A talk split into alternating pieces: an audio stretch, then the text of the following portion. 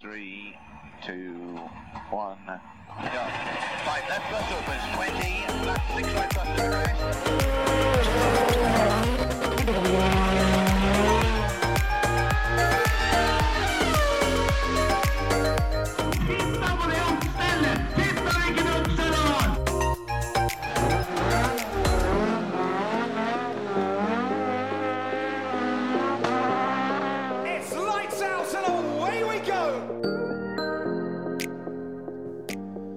Andre forsøk i 2023, folkens. Yes. Skal vi prøve å toppe forrige uke? Ja, det blir ikke så inn i helvete vanskelig. Nei, vi er på god vei allerede. Ja, vi nærmer oss minuttet nå, så nå vi, Jeg tror vi har mer innhold i dag enn det vi hadde forrige gang. Det skulle ikke så mye til, vel? Alt vi har sagt så langt, hadde, hadde kommet med på 2023 Best of. Ja, faktisk. Nei, for uh, i og med at det, det gikk litt den veien høna sparka forrige uke, så har vi henta inn litt forsterkninger denne uka, sånn at vi skal komme oss tilbake på nivå. Ja, Og uka før der, og uka før der, faktisk. Ja, det, det er jo grunnen Du er inne på noe. Ja. Tre strake der med, med litt uh, Ja, lite eh, inputs. Ja. Så ikke for å legge noe press på deg, Dennis Olsen, men velkommen til føremøtet. Takk. Nå, eh, nå veit du hva du har å jobbe med. Ja, fader, nå, nå må vi bare bygge det opp da, til å bli beste gjennom uh, sesongen. ja, Det hadde vært litt kult hvis episode to blei den beste det året her.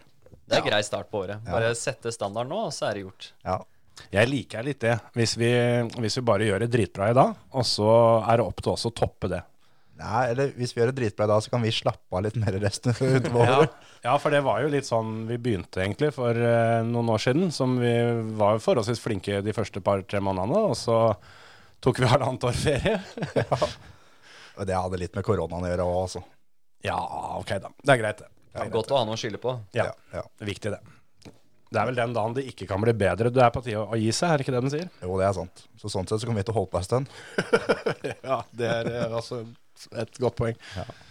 Ja, Dennis. Hva, hva, hvordan ser sesongen ut for din del? Du, du, er, du har ikke begynt ennå? Ikke helt ennå. Jeg reiser neste uke på onsdag. Eh, da setter de i gang og eh, Tilbake til Daytona 24 timer. Der eh, hadde vi en ganske hårete finish i fjor og satser på å ende opp eh, på toppen. Eh, det vi fighta for siste runde i fjor, det var eh, det var et uh, heftig løp. Men uh, vi setter i gang med Daytona, og så virker det også som at det blir DTM også i år, som er kult. Det er fett. Og så må vi se på hva resten av programmet blir. Det er fortsatt litt under diskusjoner, men uh, sitter på telefonen med Porsche konstant for å ja, gjøre de siste diskusjonene og avtalene. Jeg må bare si det at hvis den ringer underveis nå, det er lov å ta den, altså. Da skal- da skal vi gjøre det. Vi, vi, vi er her. Vi har god tid. Ja, ja, ja. Ja, for nå kom jeg på noe som jeg hadde tenkt å si til deg før vi, før, øh, før vi trykte rekord. For det, når vi spiller inn nå, så er det i morgen så kommer jo, øh, kommer jo startlister og alt sånt noe for, for vekk. Så om det er hemmelig at, øh, at du er med der, så blir ikke dette publisert før om noen dager. Så det er bare å spy ut alt, alt er hemmeligheter, altså. Ja, nei, eh, WEC eh, skal ikke kjøre neste år, i hvert fall ikke eh, som er planlagt. Eh, det kan jeg i hvert fall si. Um, men uh, og Hadde kjørt Le Mans, det hadde vært tøft. Men um, enn så lenge så er det ikke planlagt, i hvert fall sånn som det ser ut nå. Nei. Dessverre. Men jeg tenkte så, før vi liksom begynner sånn ordentlig, så, så skal du få lov til å få fortelle hvem du er. Det, det er ikke alle som veit hvem Dennis Olsen er. De burde vite det, men, men det er ikke alle som er det. Kan ikke du ta oss igjennom hvem, hvem er du? Nei, jeg er eh, en gutt på 26 år, da. Kom fra Våler i Østfold. Eh, født og oppvokst der. Og, og starta tidlig med gokart. Det er eh, oppe på Varna karting. Det er der eh, egentlig alt grunnlaget kommer fra. Eh, en av verdens råeste gokartbaner. I hvert fall spesielt den gamle banen syns jeg var helt Rambo. Den var Enig. Den var rå. Ja. Um, og det er på en måte der grunnlaget ble lagt. Det var det trening både vinter og sommer. Vi måka banen på vinteren hvis det var eh, snø. Og var det for kaldt, nei, da tok vi på skihanskene, så gassa vi på videre. Så mye trening og, og dedikasjon der. Og så har jeg vært eh, veldig heldig da med mine foreldre som har, eh, har stilt opp eh, når som helst til alle treninger. Det har liksom aldri vært noe Det har aldri stått på dem da om at jeg skal få mulighet til å trene nok. Mm. Senere så um, begynte vi å kjøre i utlandet, for det gikk såpass eh, bra hjemme i Norge. Vi vant vel uh, mer eller mindre alle løp jeg kjørte de åra jeg kjørte. Det var vel kun noen få jeg brøyt. Mm.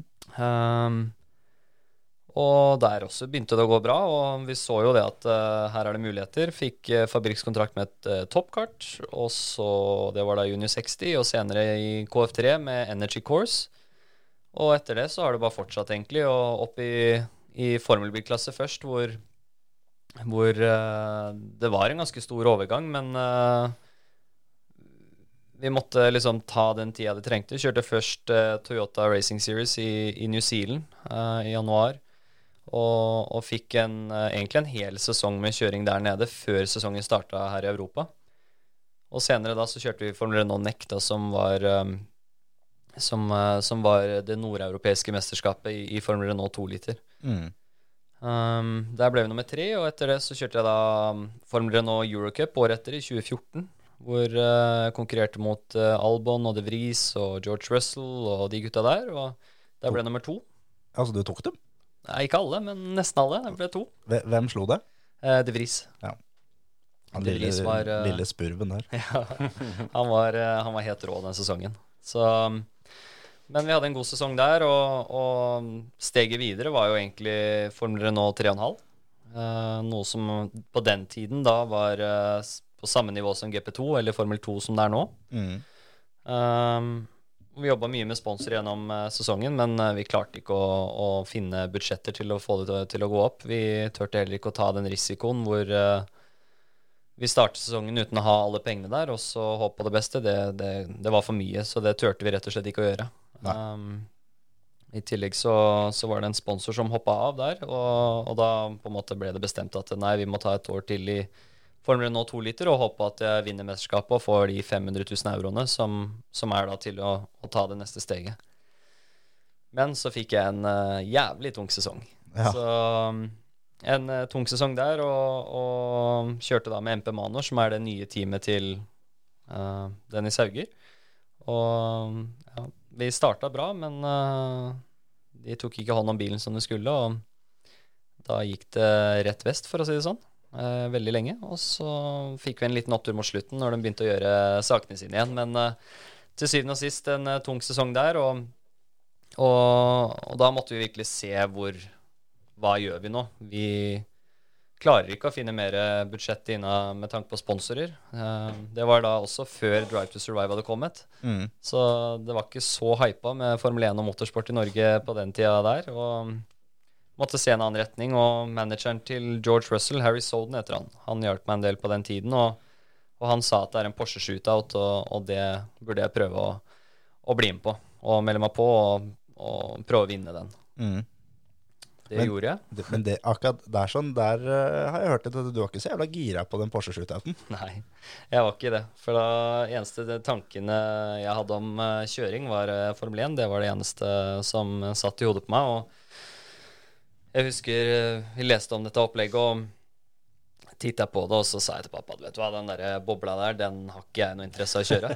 Den der tung, svær boble, det, det, jeg gidder ikke å dra på den testen. Jo, fy faen, det må du gjøre, sier pappa. Det, du er nødt til å gjøre det. Det er en god mulighet liksom å prøve liksom å forklare meg dette her, da. Og til slutt så ja, ja, da får jeg reise ned, da. Mm. Og så reiste jeg ned og inn på hotellet og ringte med pappa på kvelden og Ja, vi får nå se åssen er. Ja, du kjører, jeg driter i om speila brekker av og hele pakka. Det gjør ingenting. Om du så legger den på taket, det tar jeg. Bare gjør all in, for det her er en eh, sterk mulighet for deg. Og så la jeg meg til å sove. Våkna opp, eh, opp klokka sju. Ut i, i bilene som vi skulle bli kjørt til banen med. Og så kom jeg inn på banen, og da sto det Michelin-truck etter Michelin-truck etter Michelin-truck. Og så sto det seks Porsche-trailere. Og så gikk vi inn i garasjen, der sto det seks nye cupbiler. Lina opp til alle sammen. Mhm. Da, da skjønte jeg at det greiene her er kanskje litt annerledes enn jeg hadde tenkt. Jeg så for meg At det var en som kom med high-hesten, og så Porscha bak på hengeren, liksom. Ja, det, det var litt sånn jeg så det for meg, liksom. Så da, da skjønte jeg ok, det her er kult. Uh, og selvfølgelig, kjøreopplevelsen var også jævlig kul. Det var uh, litt, eh, litt mer lekent, litt mer bevegelse i det. Du måtte på en måte fighte litt mer med bilen da, for å få den, til å, å gå dit du vil. Og, og det var en sinnssykt kul opplevelse, og det gikk jo bra. Um, vant den shootouten og, og fikk eh, en, en, en juniorkontrakt med Porsche som innebar 250 000 euro. Som var også da mot uh, en Porsche Carrera Cup-sesong, da. Mm. Og etter det så har det egentlig bare fortsatt uh, med dem. Hadde to gode år i Porsche Cup, og etter det så fikk jeg en proffkontrakt med Porsche, og her sitter jeg i dag. Ikke sant? Mm. Tenk det. Kort fortalt. Du måtte såpass det før du kom. Hvor gammel var du når du var på den shootouten? Det var i 20... slutten av 2015. Ja. Så det er jo pff, Hvor gammel var jeg da? 17, 16? 17? 17-18? Hvilket år er du født, da? 96. Ja. Ja. Der omkring. Jeg bare tenkte på det at eh, sånn Har du tenkt på noe i ettertid det over at eh, hvor, hvor privilegert du var når du fikk tilbud om, om å være med der, og tenkte at eh, Nei, dra og kjøre Porsche Cup-bil, det gidder jeg faktisk ikke. Ja, det høres jo helt, det høres jo helt uh, tullete ut, men uh, du vet, jeg hadde ingen anelse om hva GT Racing var. Jeg hadde egentlig aldri fulgt noe med på det, og Le Mans gikk liksom ikke på TV-en her hjemme det heller, så for å være helt ærlig, jeg, jeg ante ikke hva det var for noe. Uh, kanskje like lite som eh, norsk media gjør her hjemme. Ja, ja, At, ja. eh, de aner ikke hva det innebærer. Og selvfølgelig, nå som jeg kommer inn i det, så, så veit jeg jo det. Mm. Og de som vet, de vet. Men uh, det er jævlig svært miljø og, og svære løp. Ja, vi har jo nevnt flere ganger egentlig at det at du kjører DTM, det er, det er ne nesten like stort, eller jeg mener det er større, enn at Dennis Hauge kjører Formel 2. For det er, DTM er jævlig svært, det òg. Det er det. Det er et uh, veldig stort mesterskap. Man, uh, man skal ikke kimse av det. Og det har vært uh, veldig veldig store navn her tidligere, og konkurransen i år har vært helt sinnssyk. Det, er- det er jo senest da året før du begynte, så kjørte jo Albon det mm. for å holde seg varm, på en måte. da. Mm. Liam Lawson kjørte det. Eh, det har vært noen førere her eh, rundt omkring, og Red Bull da brukte tydeligvis det for å uh, gi låsen da superlisenspoeng osv. da. Absolutt. Nei, det er et mesterskap som er Det er veldig, veldig høyt nivå. og bare et sånn bitte lite eksempel. Altså, vi kjører da 27 GT3-biler, og, og topp 20 var innafor fire tiendedeler på Nürburgring, liksom. Ops. Topp 10 var innafor Ja. tiendedeler. På Nürburgring, ja. Jeg var 36 000 eller bak, var P3. Ikke sant? Det er et ja. Og, liksom. da, Så det var tett. og da bare for de som ikke veit det, kan ikke du minne oss på hvor lang den banen er? Det var ikke Nordsløyfa, da. Det var oh, GP-banen. Okay. Jeg eh, begynte faen meg å lure, for det der, der hørtes helt sjukt ut. Men, men fortsatt, allikevel, da. Det, er, er, Det er et tett. stykke. Ja. Altså, det er, Det er det er, noen jo noen kilometer. kilometer, sant. Og, og du vet de marginene det går på, så må du få det til å, å stemme, sant. Eh, De dekka er ikke evigvarende. Det er eh, den ene runden du har. Ja. Og det skal stemme. Og bilbalansen skal stemme. Alt skal ikke trafikk, du skal være i riktig posisjon. Uh, og den uh, sjikana på GP-banen der, da, hvis du, det var da den sakte sjikana, ikke den NLS-sjikana. Mm. Så du skal kutte ganske godt. Jeg skal vise dere litt video etterpå. Kutting av curbs er noe av det beste jeg veit, Ja, det er fett, altså. Men det har jeg lært på Varna, vet du, fra Ja, ja, ja. Der. Der lærte du å kutte curbs. Ja, det, det. Apropos det, for det, det, det kikka jeg på for å få en liten refresh på. Du var jo inne på det med at eh, eh, den gangen eh, da, du, da du var på vei opp og fram, så var det ikke noe eh, Altså, det var ikke noe Drive to Survive ennå. Men du hadde jo din egen på NRK. og der eh, er det litt sjekane på Varna. Eh, på en måte coaching. Ja, ja, ja. Så Det var uh... Men det også er litt, litt spesielt. Vet ikke om du har fått med det, men hun som du coacher der, hun var jo da med i årets utgave av Robinson-ekspedisjonen. Nei, det er lillesøstera. Er det det? Det er Nei, Jo. er det det? Ja, det er lillesøstera til Susann. Nei. Er det ikke Jo. Nei, Sus Susanne var med på Robinson. Ja, Susann var det. Ja, Men ja. eh, hun som jeg lærte der, var lillesøstera til Susann. Oh, ja. Det er dattera til Jonny Moen. Ja, men det er jo Susanne òg. Ja, ja, det stemmer. Det er, jeg tror det er yngste der. Nært Ja. nok. Nært Ja, nok. Ja, nei, det, jeg, jeg er på lag med Dennis her, for det, dette her så jeg på mens jeg spiste nå for en time siden. Og- Ligger den ute enda? Ja. Ja da. Men det, det var ikke så lett å finne den. Du måtte, måtte jobbe litt for å, for å finne den fram. Så dette her er noe, noe du må dele sjøl i sosiale medier med, Ja, ja, ja. med jevne mellomrom, Dennis. Sånn at, at folk får med seg dette. Jeg ser helst ikke på det sjøl. Men, men, men jeg husker når det kom, for da var det på en måte flere som fikk opp litt øya for deg. da. At eh, For på den tida der sånn, så var jo du den neste. Du var den Norge skulle ha i Formel 1. Det blir jo poengtert her fra um, Hellum i Bilsportforbundet. Jeg vet ikke om han var president eller hva han var den gangen. At da Da går han så langt som det at du, du var det største talentet som var her til lands, og kanskje til og med noen gang. Nei, vi, altså, vi hadde jo Nivået var så høyt. Og gutta jeg kjørte gokart med, og det er 80 av Formel 1-griden nå. Ja. Alle sammen. Mm. Jeg tenkte på det òg, for det med tanke på noen av de som eh, forsvinner ut fra fjorårets grid, er vel kanskje noen av de du mangla. Mm, faktisk. sånn at nå når du får inn, får inn De Vries og sånn nå, så Nå begynner det snart å nærme seg hele griden. Altså. Du mangler vel Alonso, vil jeg tro. Alonso har jeg ikke kjørt mot. Han er eh, litt eldre enn meg, men, ja. men eh, det begynner virkelig å nærme seg nå. Altså. Ja, Ja, Så jeg tipper du sikkert ikke kjørte mot Latifi heller, eller? Jeg vet ikke hva han, eh, hva han drev med så mye før Formel 1. Kan hende du fikk med han òg, men Det, det tror jeg du gjorde, skjønner du. Formel 1 eller gokart. Jeg tror du kjørte mot en gokart. sånn. Det kan hende. Ja, det er um, ja, for det, den, den, den tanken slo meg òg. At, eh, at det nå begynner å nærme seg at du snart har eh, hele gjengen. Mm. Det, er, det er litt rart å tenke på. Er det noen av de du aldri har slått? Som du veit om? Sånn Nei, jeg tror jeg har slått alle. Ja. Jeg vet nemlig om en du aldri noensinne har slått. Hvem da? I, ikke av Formel 1-førerne. Ja, deg? Nei, vi, vi har ikke kjørt, Vi har ikke kjørt vi har ikke mot kjørt mot hverandre. Men uh, jeg veit at du aldri har slått Emil Antonsen. Vi heller Nei, det har jeg faktisk ikke. Aldri- Vi kjørte mini sammen, vi. Kjørte Mini og Junior 60 og greier. Stemmer. Og jeg veit jo det Ikke Junior 60 heller? Nei, nei, nei. Gjorde ikke det, skjønner du. Mm. Så, så det, det har jeg faktisk liksom tenkt på, at han er liksom en av de få som du aldri har fått det som æren av å komme foran i mål. Det her må vi sjekke opp. Altså, er ikke regelen sånn at, eh, at har du slått dem, så er du bedre enn dem, og har noen slått den, så er den bedre enn den, osv.? Så, videre. så Så du har jo kjørt fra Emil, Terje. Ja, ja, ja. Ja, ja. Så, så jeg er også du er jo bedre enn. Dennis. Ja, så da er jo du bedre, er bedre enn enn de som kjører Formel 1. Ja, ja, Det er bare tilfeldighetene som gjør at du sitter her, og dem er der. Og jeg hadde bedre rundetid enn Emil på leiegokarten i Anbu. Det er akkurat det. Sant? Her er det talenter rundt bordet. Og, og Altså. bedre enn meg òg, så det Men det, og det, jeg og Dennis vi kjørte jo simracingløp sammen for et par uker siden òg. Ja. ja. Da slo det meg i TCR-greiene der. ja, ja, det var lett. Det hadde vel bare 50 timer trening, vel? Snaue. Den, den uka. Men ja. når vi driver med litt sånn mimring, da, så har vi jo øh, forberedt noen spørsmål. Da tenkte jeg da jeg i hvert fall mitt første. For hvorfor blei det motorsport? Det starta vel egentlig med at uh, pappa har hatt interesse selv. Han har kjørt gokart når han var uh, liten. Uh, og også vært eh, i tillegg rallykartleser. Så sammen med Eivind Brynildsen uh, lite grann, og så en del med Per. Eh, egentlig mest i hovedsak med sammen med Per, da. Eh, har Faren, vært, faren eh, til Eivind. Ja. Mm.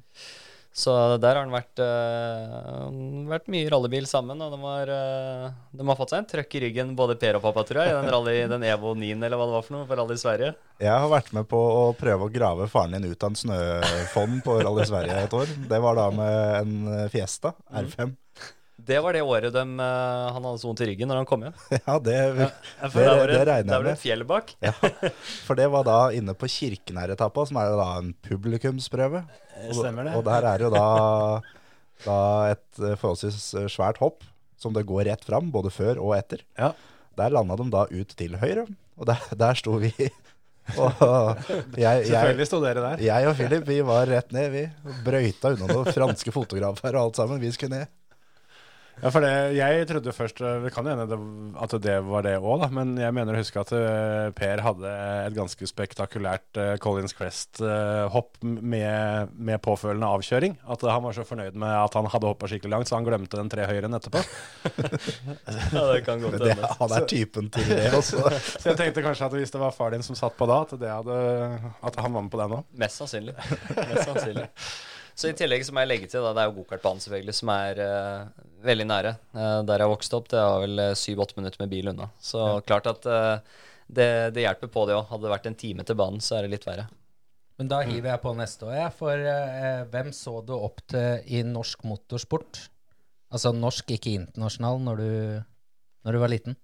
Um, lokalt sett uh, på gokartbanen så, så husker jeg ikke så godt, men uh, selvfølgelig Jeg startet jo da i 2003 med gokart.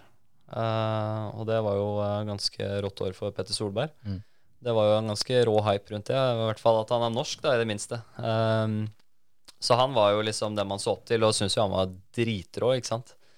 Um, så på den tiden så var det absolutt Petter som var et uh, stort forbilde. Mm.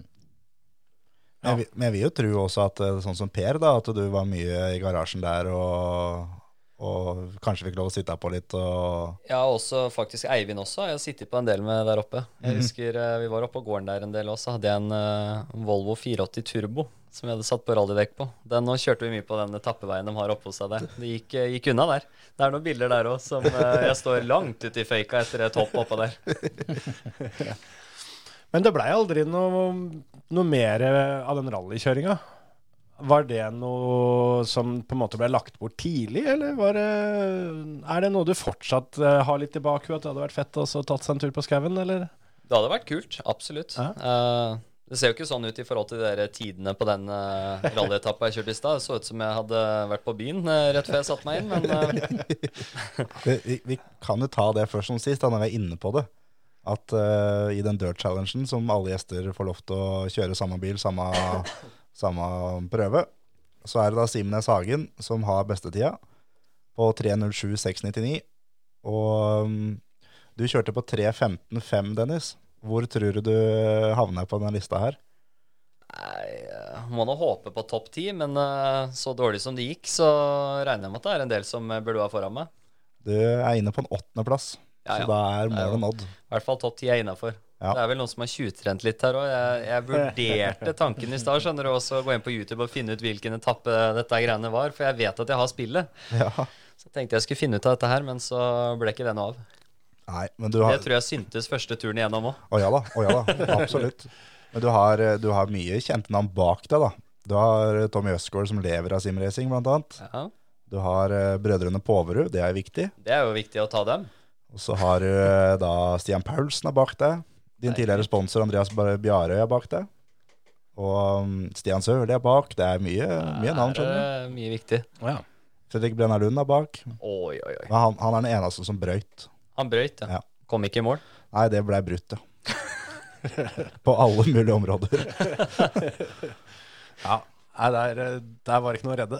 Måtte sveise riggen etter han hadde holdt i rattet, eller? Ja, Han ratta sikkert godt. Der, der var det vel Paulsen som, som var nærmest å få Ja. drept det. Ja, vi fant jo det, for Stian Paulsen var jo da vår første gjest. Mm. Og vi fant ut at når den riggen overlevde han, så var det greit. Da, da tåler han hvem som helst. så det, det gikk fint, det. Men, men apropos Stian Paulsen, så har jeg snakka med han uh, før du kom. Det har du vel. Uh, jeg har snakka med flere, jeg skjønner det, så vi, vi har en lang liste med folk som eh, har ting eh, du skal få lov å fortelle om, som okay. dere har opplevd. Jeg er spent. Um, jeg fikk bare noen stikkord av Stian, Mhm. så jeg veit sånn cirka hva som skjer, men jeg veit ikke helt. Så nå er det du som skal ta oss gjennom denne historien her. Forhåpentligvis så catcher jeg det, da. Ja. Um, jeg kan, det første stikkordet er Dennis Olsen som reiseleder. Andre stikkordet er tur til Norrisring. Tur til Norrisring. Få høre her nå. Nei, det er jo ikke Det er jo ikke den mest hemmelige historien, det her, men uh, jeg hadde akkurat uh, Dagen før jeg skulle reise, så ringte jeg Stian, for jeg visste at han skulle kjøre nedover. Mm. Og så ringer jeg han, da. Ja, ja, nå har jeg henta bil og greier, sa jeg til han, vet du. Ja, fikk du ålreit bil å kjøre med ned, eller? Ja, ja, det var helt konge. Nei, det går så stille og deilig, så dette var helt konge. Ja, åssen var det? Nei, det var sånn Taycan. Taycan, sa han. Faen, det er jo elbil. Det går jo ikke an å kjøre ned dit med. Jo, jo, det går bra. De sa det er bare å gjøre sånn og sånn og sånn, og det, det ordner seg, vet du. Nei, faen, må stå og vente hele tida og greier, sier han da bare. Og så ender jeg opp med Han er jo opptatt som vanlig, han, og ikke noe særlig stressa, så jeg dro av gårde klokka tolv, sånn som vi egentlig hadde avtalt, og han eh, dro en time etterpå, da. Så vi ble enige om at uh, uh, jeg skulle vente i Helsingborg, eh, og så skulle vi kjøre sammen derfra, da. Og så Da holdt batteriet ned til Helsingborg, så da lada jeg bare der og hadde 100% når vi kjørte av gårde. Han var så imponert, han, for da var det bare å kjøre videre, sant. Og så kommer vi over og kjører gjennom Danmark, og, og så skal jeg stoppe og lade én gang, for jeg var litt usikker på ladestasjonen uh, akkurat når du kommer over med, til puttkarten der. Da veit jeg det er et stykke ganske øde hvor ikke det er noen ting som helst. Og så skal jeg stå og lade, lader og ordner, og så Ja, nå skulle han ta noen sponsortelefoner, for han hadde jo egentlig ikke fått samla inn nok penger til det løpet ennå. Som dere var på vei til Som vi var på vei til, ja. Og, som var avtalt. Så han skulle ta en telefon ja, jeg plugga i laderen og stakk inn og kjøpte en drikke. Og Morten, broren til Stian, var jo med, han òg. Han er jo så rolig som alltid, vet du. Ja. Hmm, sier han bare. hmm. Og vi eh, var plutselig ferdig med å lade. Da sto Stian borti skråninga oppi en gresstust og sto og pissa og snakka i telefon med en eller annen sponsor, som eh, Med, med buksa ned rundt anklene, eller? Ja da, Ja. som man pleier. Ja, ja. Og så roper jeg på han Stian om vi kjøre. Ja, men faen, jeg er jo ikke ferdig ennå. Er du ferdig med å lade allerede? Ja, full den. Mhm. Ja, kom igjen, da.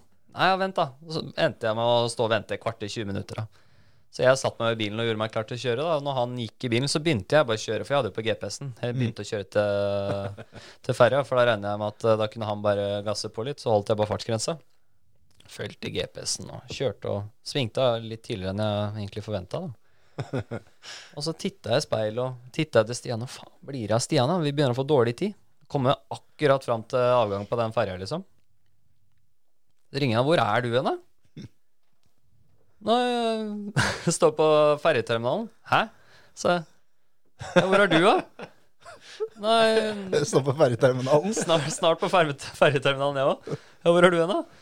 Så sendte han lokasjon på, på WhatsApp, og da var vi på ganske forskjellig sted. Så jeg mista den ferja. Så jeg kjørte jo litt radig tilbake da, mot den ferja. Ja. Og kommer fram, og når jeg kjører da Kjørt gjennom luka og kjører nedover disse stripene, holdt jeg på å si, Mhm. på vei nedover. Linje 1. Kjører til linje 1. Kjører nedover, det er grønt. Jeg er på vei inn på ferja, jeg er på vei inn på ferja. Stian står oppå der og blinker til meg, vet du. Mm. Burp, burp, sier det bare. Og der gikk ferja. Da ble det rødt lys. Da var jeg en time bak. Så det er egentlig storyen der. Så du egner deg ikke så godt som reiseleder, altså? Gjorde visst ikke det. Kartleser, i hvert fall. Nei, det er ikke sikkert du du skulle Stian, Stian hadde jo i hvert fall kartleser med seg. Ja, det er jeg det. satt jo helt aleine, jeg, vet du, så hørte på podkast og Men det var jo. Stian sitt skyld, for hvis ikke han, eh, han hadde kødda bort et, et kvarter med disse sponsorene, Ja, da ja. hadde dette gått fint. Ja, da hadde det vært eh, ikke noe problem. Da hadde jeg bare ligget i slipstreamen hans. Jeg har spart strøm. Ja, ikke sant? Det var derfor du ville kjøre sammen med han, for at du ville spare strøm i slipstreamen. Ja, For han kjørte jo sprinter, selvfølgelig. Nei da, han kjørte BMW-en til Til Dragen? til Dragen, ja. Ja, ja, ja. Nei, han er ikke noe teamplayer, hører jeg. Det- Jeg vet ikke om dere så de storyene vi la ut også, på Instagram. Ja, ja. Det var, var ganske funny. Var det nå eh, i sommer, eller? Mm. Når han, eh, han kjørte der nede, da? Ja, Stemmer. Kjørte du der i samme helga, eller åssen var det? Var det rett før eller rett etter, eller noe sånt? TCR Europe var eh, samme helg som DTM. Ja.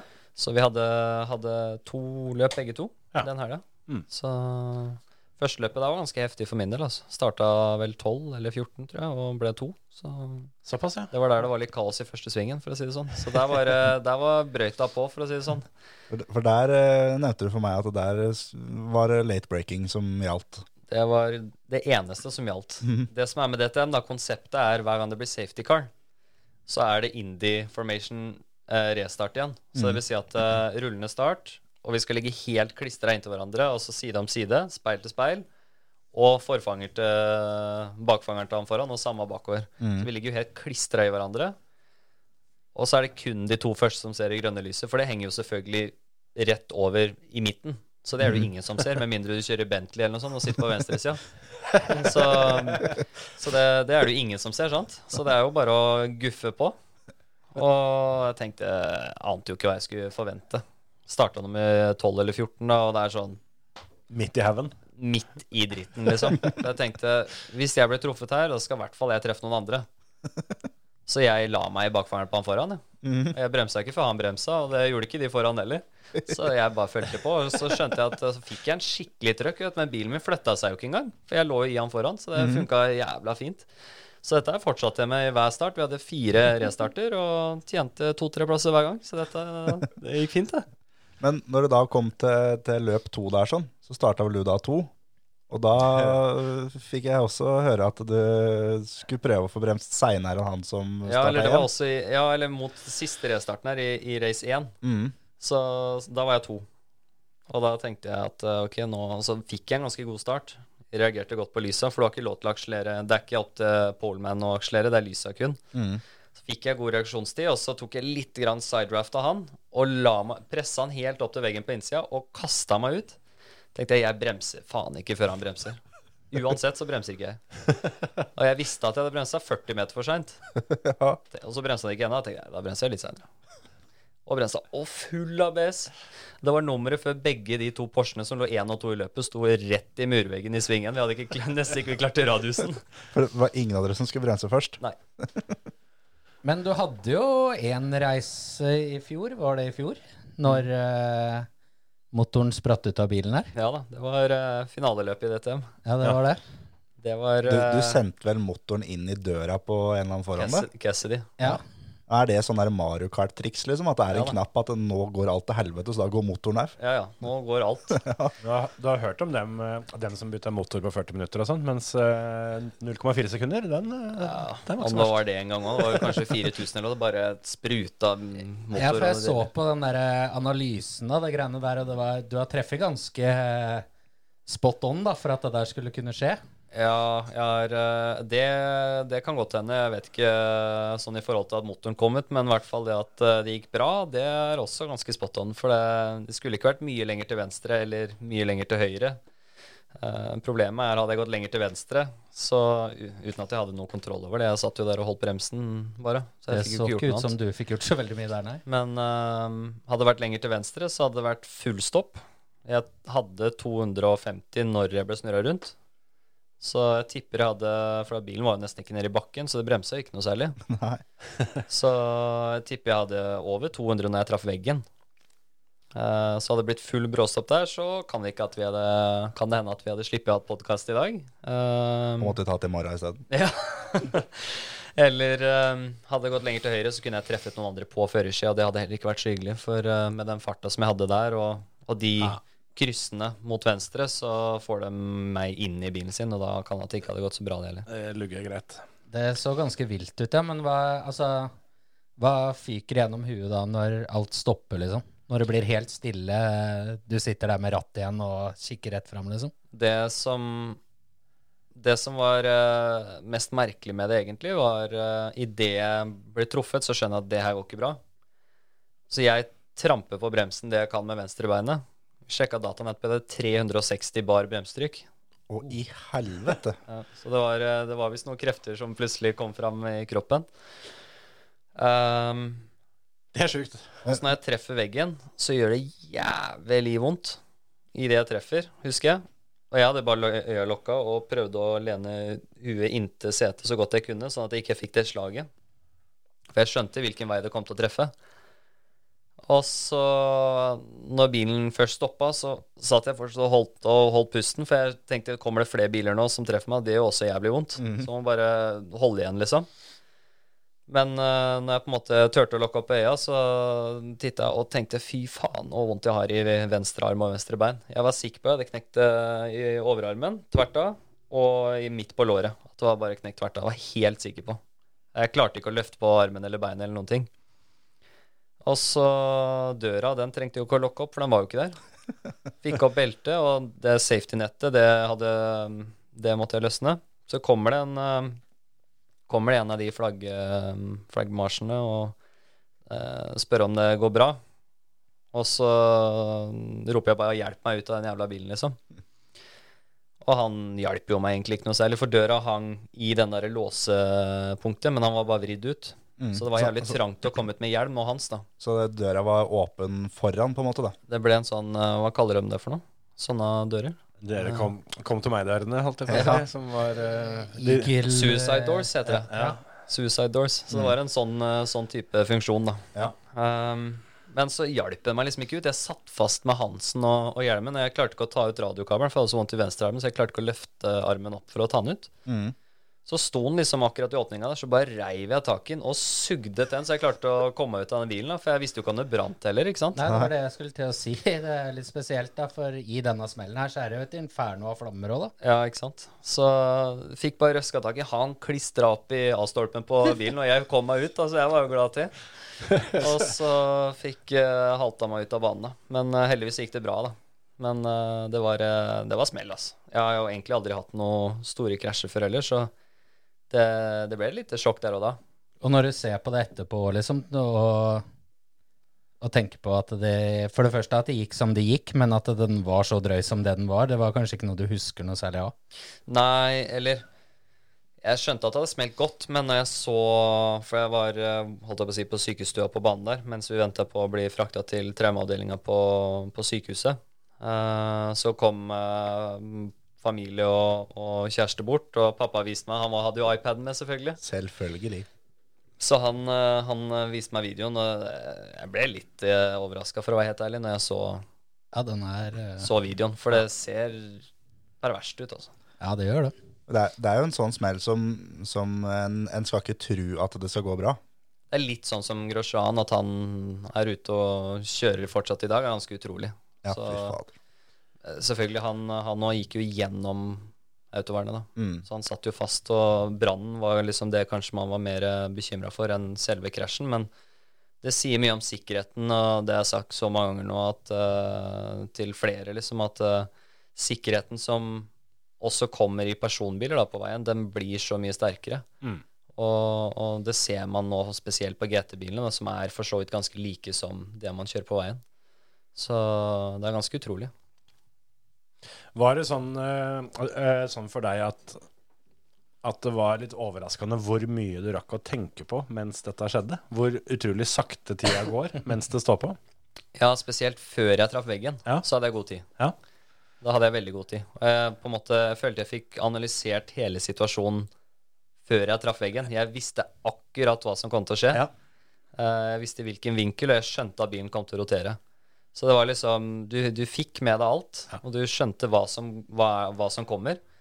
Men uh, du ante jo ikke hvor vondt det kom til å gjøre. Du bare skjønte at det her kommer til å gjøre jævlig vondt. Så du må bare prøve å holde pusten så godt man kan. Og Du får igjen litt for uh, alle, alle åra på banen, både med Altså, sånn som du sa, at uh, du har ikke hatt noen store smeller som du har, du har vært inni, men du, du har på en måte det allikevel ved å, ved å se og høre andre opp gjennom åra, sånn at du, skjønner hva som skal skje.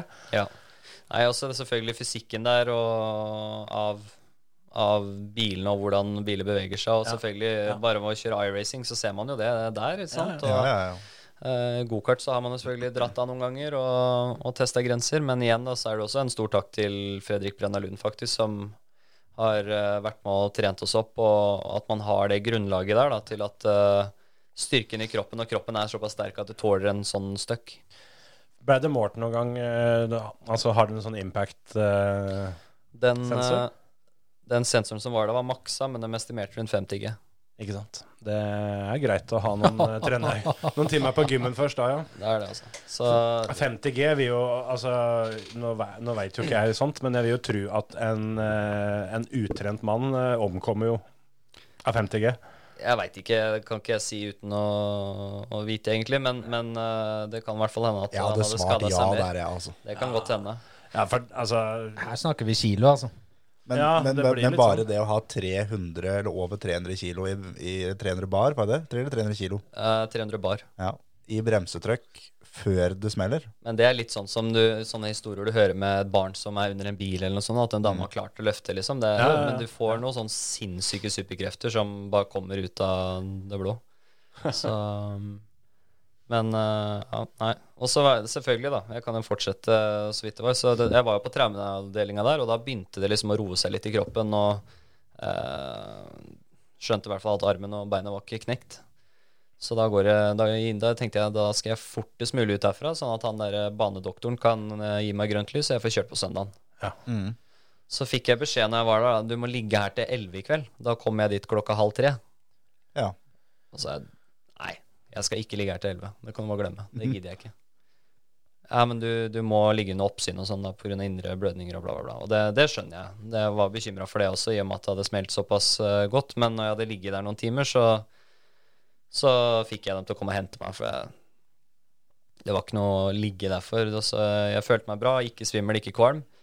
Um, og da da dro vi tilbake og snakka med banedoktoren. Han har jo vært innom mange ulykker, holdt jeg på å si, og, og smeller. Og, og han sa at uh, Jeg kan ikke godkjenne deg nå på noen som helst måte, selv om du holder igjen og sier at alt er bra.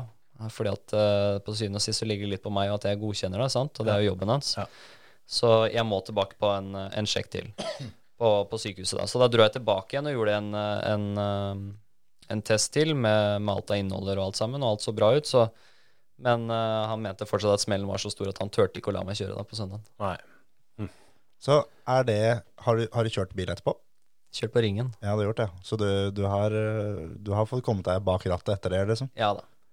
Men ikke i noe race, eller? Jo da. Ja, det var det. Kjørte løp. Ja. løp. Så Åssen var de første meterne i bil etter den smellen der? Uh, Helt naturlig. Ikke noe Ja.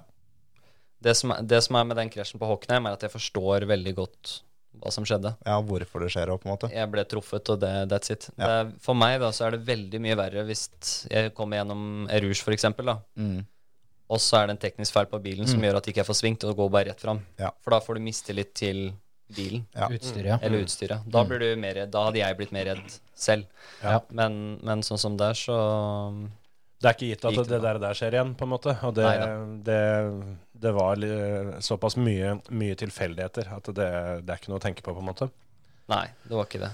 Det som var eh, det verste, var jo da Nürburgring helga, eller noen uker etterpå. Tre-fire uker etterpå. Ja. Men f før du tar den, for det kan hende at det her er svaret på det spørsmålet jeg skal stille nå. For vi, vi har fått inn litt uh, spørsmål fra forskjellige lyttere her. Mm. Og det er en fra Runar Sanni som passer ganske bra nå. Mm. Uh, fortell den beste nær ved å drite i buksa-historien du kan komme på. Om ikke på banen, så kanskje ellers i livet. En ordentlig sånn der kode Ja, ja, sånn at du skulle ønske at du tok de brune underbuksene på deg. For det, her var det ordentlig nær at det At du fylte bleia, da, for å si det sånn. Det, det må jo nesten være noe fra ringen. Eh, Det er ikke for at eh, Eller eh, Det er jo en del av det, selvfølgelig. Men eh, cold brown, som vi kaller det, det er at eh, det er jævlig nære på at du drar av og, smeller. Og det får du tilbud nesten hver runde på ringen. Det er jo alltid et eller annet. Men eh, jeg har en eh, liten historie der òg som er eh, Den var ganske cold brown, for å si det sånn. Det, det var eh, 24-timeren uh, på Nürburgring for to år siden. Så kjørte jeg nattstint sammen med Lå rett bak Matt Campbell. eh, En ti, eller også eh, kollega da, altså hos Porsche, en annen fører. Og kjører og Jeg vet ikke hvor godt dere kjenner til uh, Nordsløyfa, men eh, du kjører opp Bergverk. Det er den lange midtre langstrekka hvor det er en venstreknekk. Og så kjører du videre oppover, så er det en kjemperask venstresving. Mm. To svinger før karusellen. Mm. Kommer Ja. oppover der, På toppen av bakken, liksom. helt på toppen der, ja. Mm. Kommer oppover, og alt er bra. Jeg ligger i slipstreamen hans rett baken, og ikke noe problem. Kommer rundt svingen, så ser jeg bare bilen til Matt begynner å seile sidelengs. Og så Det går jo fort, det her. da Det er jo Minimumsfarta der er 220. Så det går ganske fort. Men nå prater jeg i slow motion, eh, på en måte. Så jeg ser bilen hans bare begynner å seile. Og så kjenner jeg at min begynner å seile helt likt som hans. Og så prøver jeg å titte lenger fram. Da ser jeg en Cayman på taket og en cupbil stående på sida av den. Er, Midt i banen. da er vi tilbake til der hvor tida går veldig sakte. Og, Da- du, og du får med deg utrolig mye med tanke på hvor fort dette skjer. Da var jeg sikker på at jeg og Matt kom til å være ferdig med det løpet, i hvert fall. Men så kommer vi rundt svingen, og Matt han, han sklir på en måte ut på gresset, har ræva inntil autovernet, så bilen retter seg opp. Men det var olje der. Det var derfor det hadde smelt så fælt. Eller noe, noe søl på banen. da. Og det samme skjedde meg. Kom oss forbi. Og bare Fy fader, at det der gikk bra, liksom. Og så ferdig med stintet hadde jeg liksom glemt det litt, da, for det her var første stint jeg kjørte trippel. Så tre timer i bilen, kom ut og tok noe kjapt å spise, og så snakka med teamet, og dura opp og få, for å få massasje, da.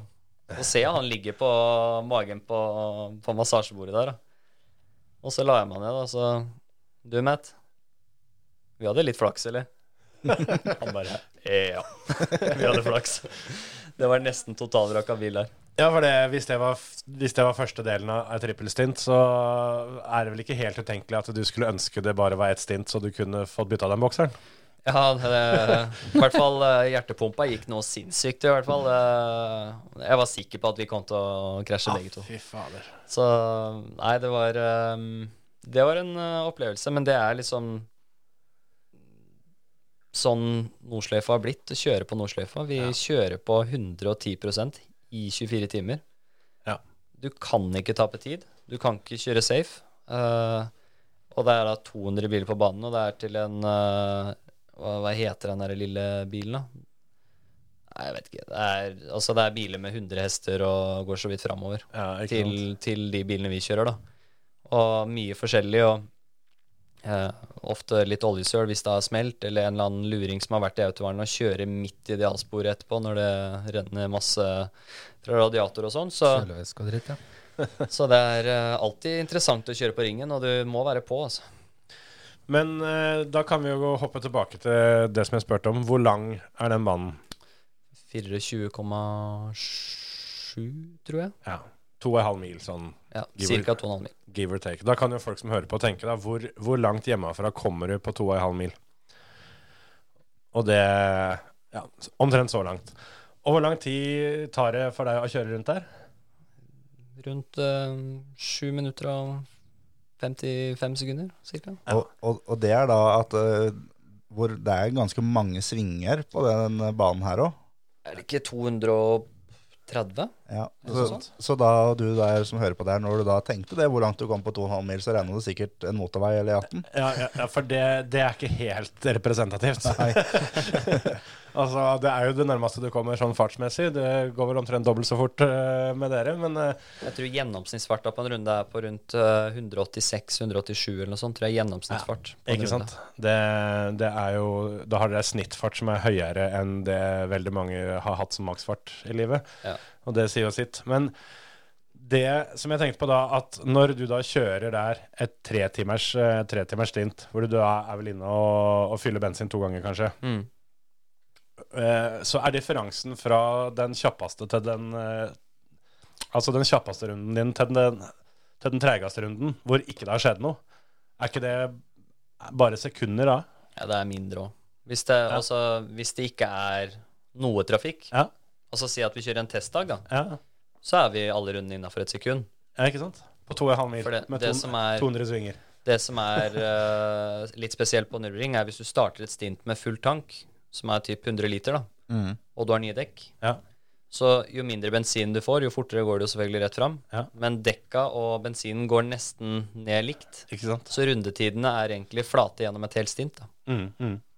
Så det er, vel, det er vel kanskje Når du trippelstinter, så kjører du vel kanskje ikke nye dekk Kjører nye dekk hver gang. Ok, ja. Ja. ja. Da blir det jo likt. Ja, for det, det er det jeg syns er så sjukt. For jeg, jeg har ikke jeg har, jeg har kjørt den banen på Banen på iRacing, bare. da Mm. Og da um, er det ikke så mange rundene jeg har kjørt, men uh, å være i nærheten av å kopiere det som jeg har kjørt før, på en måte, det er jo helt sjanseløst. Den er så lang, den banen, at det Jeg vet ikke, du har jo kjørt deg ganske mye mer enn meg, Terje. Jeg vet ikke, Hvor lenge måtte du holde på før du følte at du var innafor to sekunder på runden, liksom? Nei, det der holdt den på, på lenge. Altså. Men eh, sånn som på R-racing da, så blir det jo helt motsatt. For der vil det gå fortere og fortere uh, hele tida fordi det blir mindre og mindre bensin. Men, uh, men det, jeg brukte en stund, altså, for jeg lærte meg, både lærte meg banen og, og en ting jeg lærer banen, så skulle jeg lære en godt nok til å kunne pushe. Mm. Og, men, men det fins jo ingen annen bane som er så kult å bare slippe banen ned på kneet og bare la det stå til, liksom. Nei, det er jo verden, det er verdens råeste bane. Ja, det kan Det ikke være noen tvil om engang. Men det må jo være omtrent det nærmeste du kommer å eh, kombinere rally og, og baneracing. faktisk. For da er banen såpass lang at det, bare det å huske hele banen, det, det, det tar noen runder, det.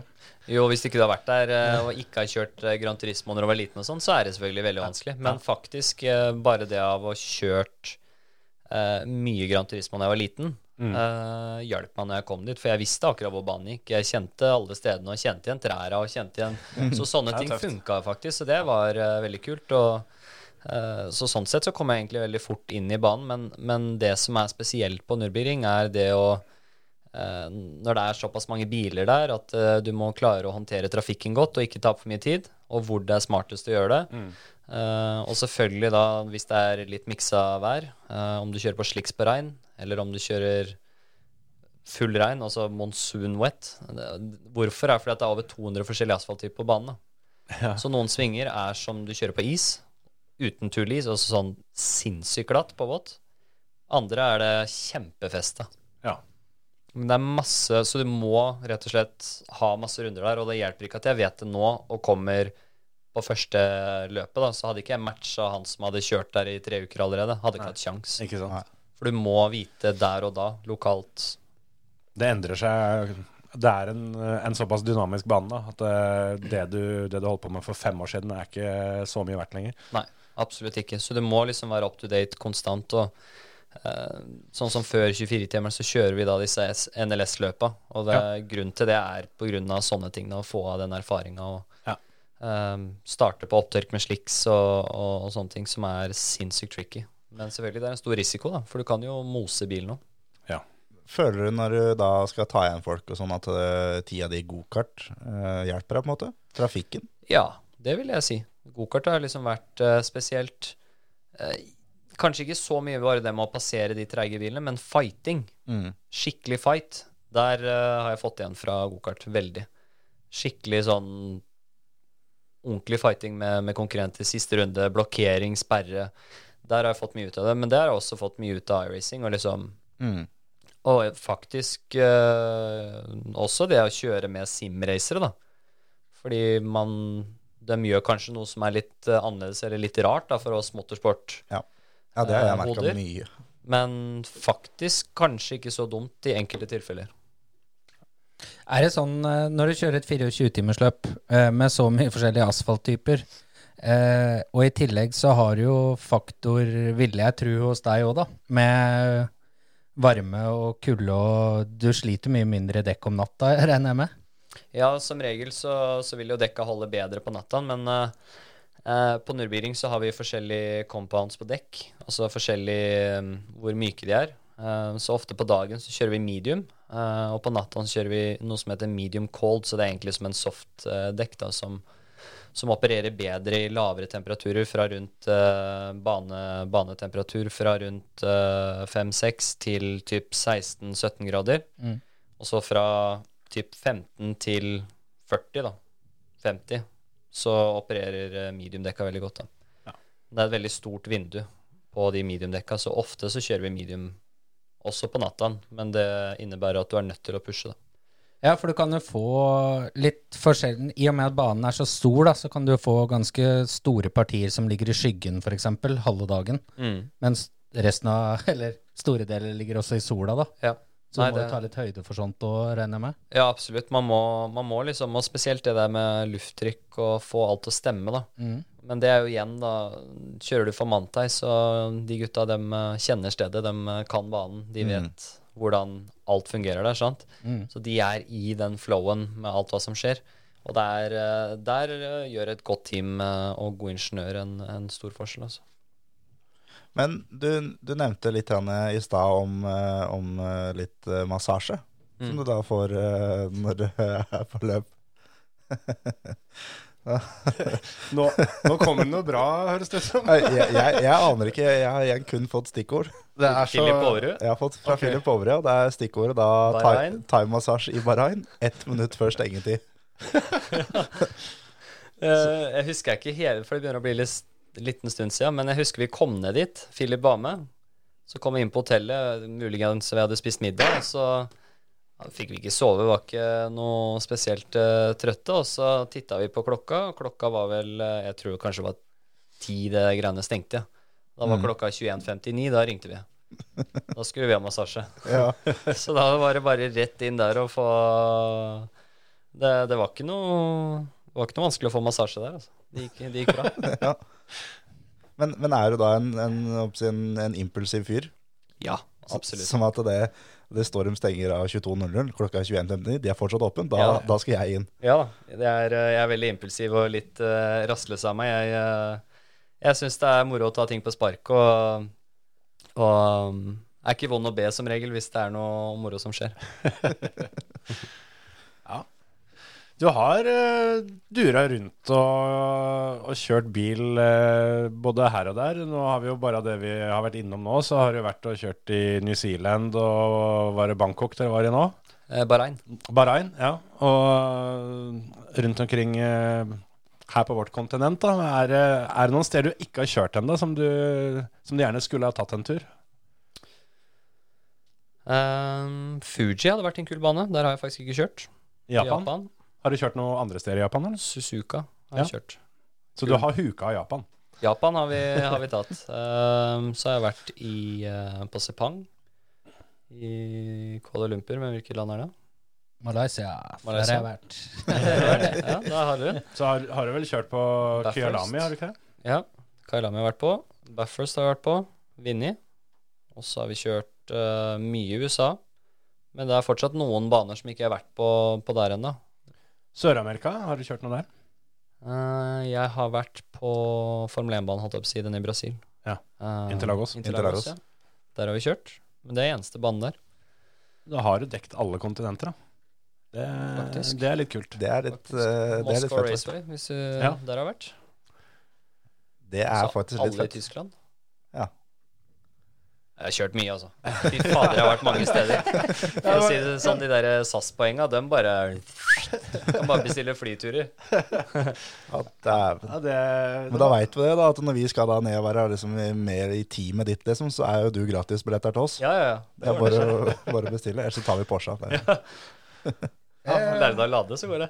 Ja, det var det, da. Den ladinga, ja. Men, men eh, Fuji, som du sier, den, eh, den er ikke dum, den. altså. Men eh, er det flere som du, som du har på på en måte bucketlisten? At det, der hadde vært fett å kjøre bil? Tydeligvis ikke noe du har tenkt så mye på. Så. Ikke som jeg har tenkt så mye på, men det er noen andre kule baner i Australia òg, faktisk. Ja. Som de kjører supercars på. Noen av de gatebanene der òg ser sinnssykt kule ut. Ja. Altså, det meste som de Supercars-gutta gjør, ser jo kult ut, da. Kunne du tenkt deg det? Ja, faktisk. Jeg tror det kan være kult. Det er jo, det er jo um, Noen enkle løp de har en sånn endurance series der. Ja. Og så Det er jo de samme gutta som kjører supercars hele tiden, men de kan ikke kjøre Uh, 1000 km på Bathurst eller noe sånt helt aleine. Så um, kanskje det kommer en mulighet der. Uh, det hadde vært kult å, å, å vært med på det. Jeg tror eh, bilene der er ganske fete. Nå kommer det en ny generasjon, har jeg sett. Eh, generasjon 3, som er enda mindre aero og enda mer power. Så Det er rått. Det er så deilig når det går i den Ja, retninga. ja, den og- går bare stikk motsatt av ja, alt annet. Og, og, og det er jo bare de der gærningene der nede som, som syns at det er en kjempeidé. Vi bare gjør det motsatt.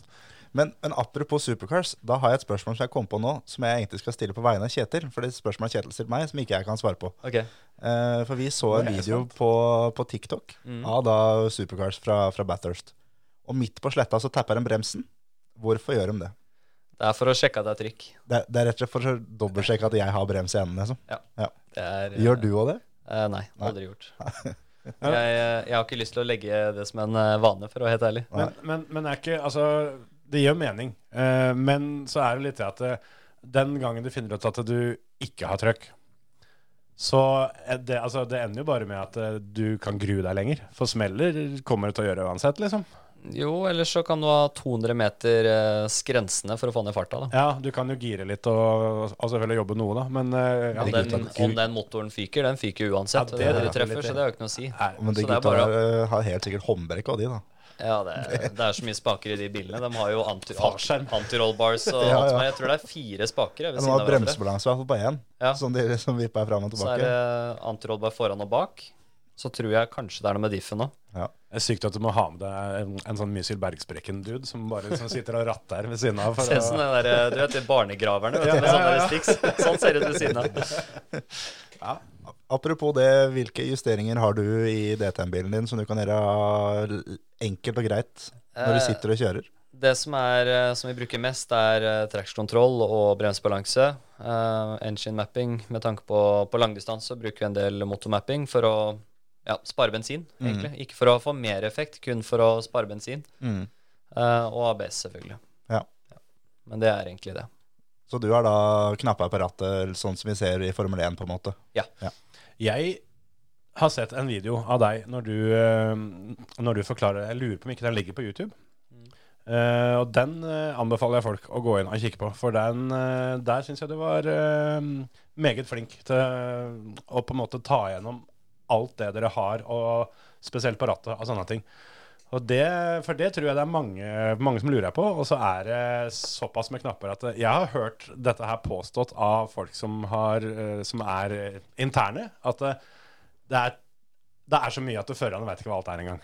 Nei, så det er sånn som nå, da, så har vi en ny bil Ja. eh, til neste år. Ny 911 GT3 R.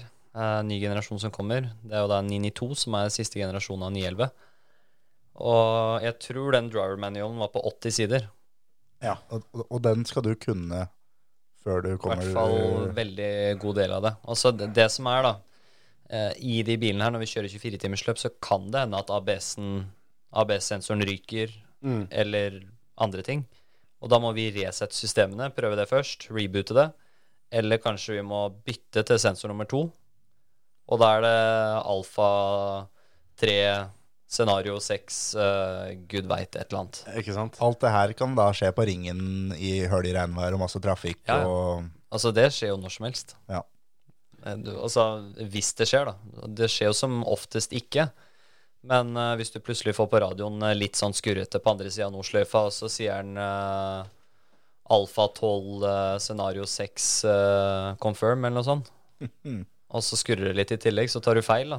Ja. Det var motoren, ja. Skal vi se. Altså, jeg har liksom opplevd det at jeg har øh, skjena litt mot høyre når jeg skal ta telefonen og trykke på skjermen i midten, liksom, på E18. Heldigvis så har du det sentralt, da.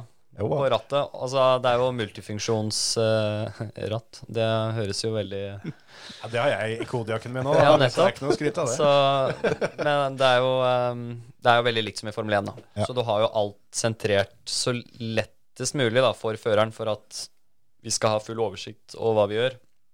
Og det er jæsla mye verre å begynne å trykke ned i midtkonsollen enn det er på rattet. Altså. Ja.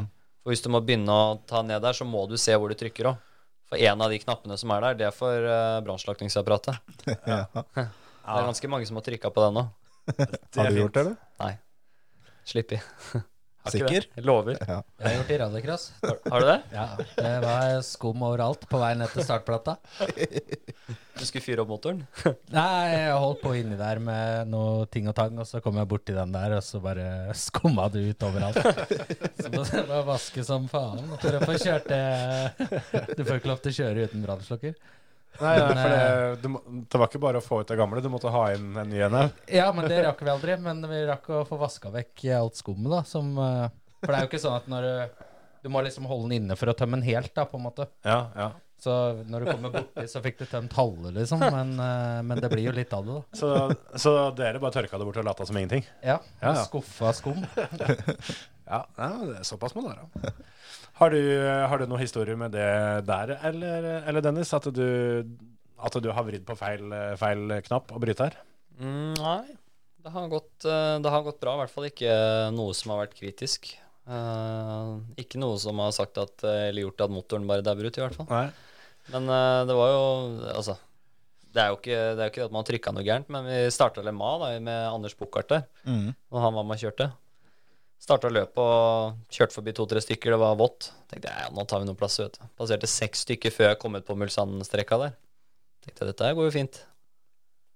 Kom jeg på langsida. Det bare passerte biler fra høyre, venstre. Alle som jeg hadde kjørt forbi, bare passerte meg. Titta jeg ned på dashbordet, hva er det som skjer her? Fordi at når vi kjører formasjonsrunde, så kjører vi på engine map 0 for å få bruke minst mulig bensin. Jeg tenkte jeg må jo ha engine map 0, og jeg vrir på den bryteren, drar til, vet du. Det skjer jo ingenting.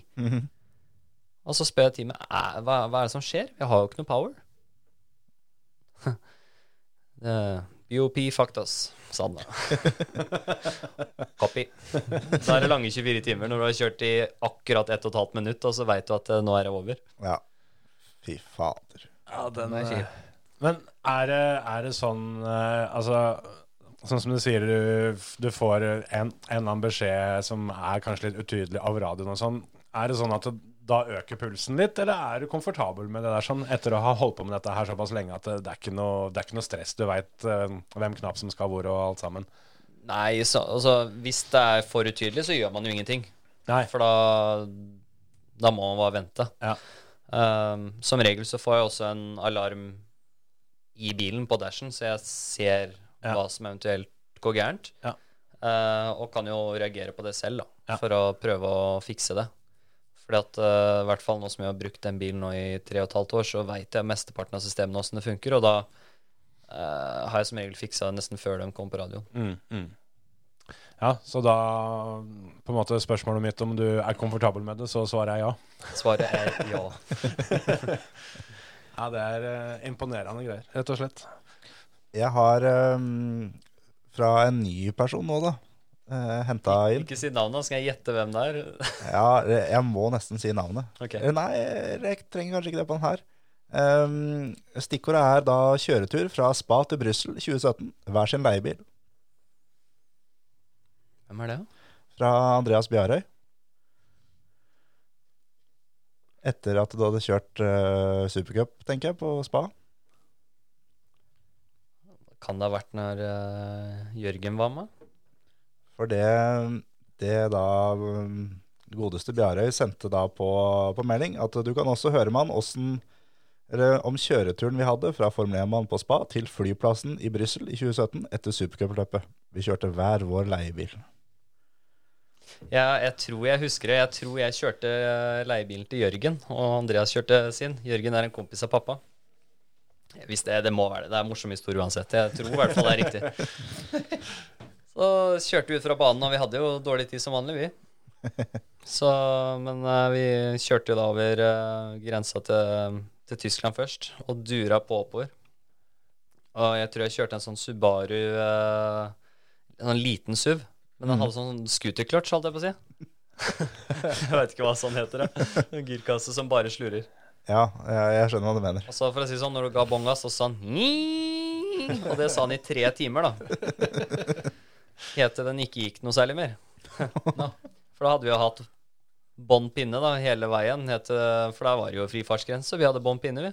Kjørte jo den der greia gikk. Men til slutt så gikk den jo ikke mer enn 65. Han starta først med å gå kun 175.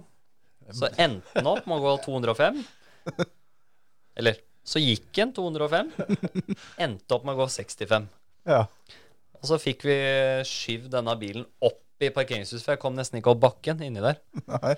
Og så parkerte vi og dro. Så jeg tror det er den han eh, nevner. Jeg håper det, i hvert fall. Ja. Leiebil, er, det skal brukes. Det, det er nesten eh, altså- Leiebil, det er Jeg er enig med Jeremy Clarkson at det er verdens raskeste bil. For det, du girer ikke uten clutch i din egen bil. Du gjør det med leiebil. Nei, altså det, det, du har gjort noe gærent hvis du har kjørt pent med leiebilen din. Altså. ja.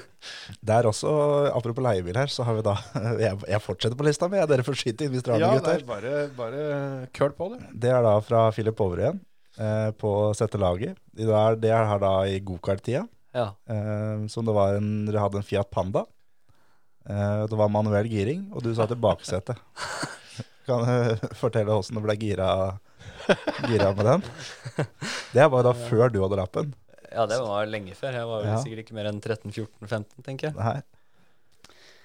Eh, nei, jeg satt vel i baksetet, og så var vi på en rundkjøring, og så begynte han å Han kom fra motorvei og skulle svinge av, og lå i sjette gir, da, i den der pandaen. Og det er jo ikke akkurat sinnssykt lang avstand fra baksetet til forsetet i den bilen. Nei. Så beinet mitt rakk jo til dashbordet foran. Så jeg spente tak ja, til den der girspaken og fikk nappa han i tredje i full fart. Med beinet. Med beinet, ja. Det dunka til, det. Hva, hva sa han som kjørte da? Nei, det husker jeg ikke. Han var sikkert ikke så blid.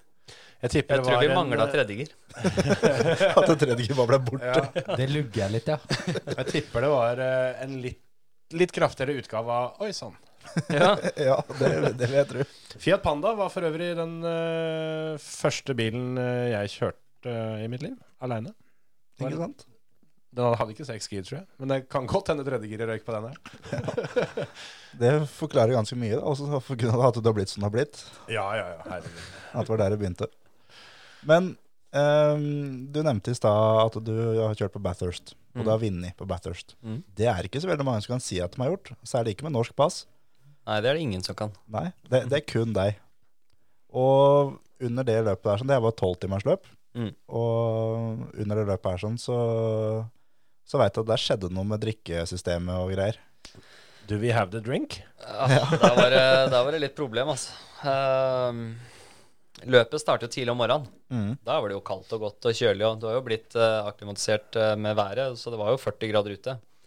Men når du har vært der en uke, så blir du vant til å være i den, de temperaturene. Men så hadde vi kjørt uh, Kjørt de par første stinta, og og, og det gikk helt fint. Det var ikke så fryktelig, det var ikke så fryktelig varmt. Det var varmt, men ikke, ikke helt grusomt. Det var ikke jævlig, liksom. Nei.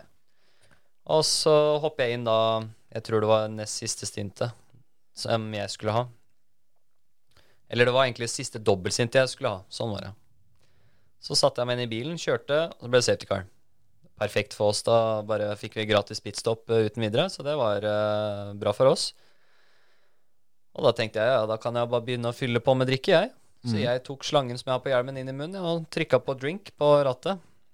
Det var ikke kaldt, for å si det sånn, det vannet som kom der. Det, jeg brant meg så jævlig i munnen, så alt som kom inn, det bare spru... Altså inni hjelmen, da. Du kan tenke deg når du bare spruter ut, ikke sant? For det er så varmt.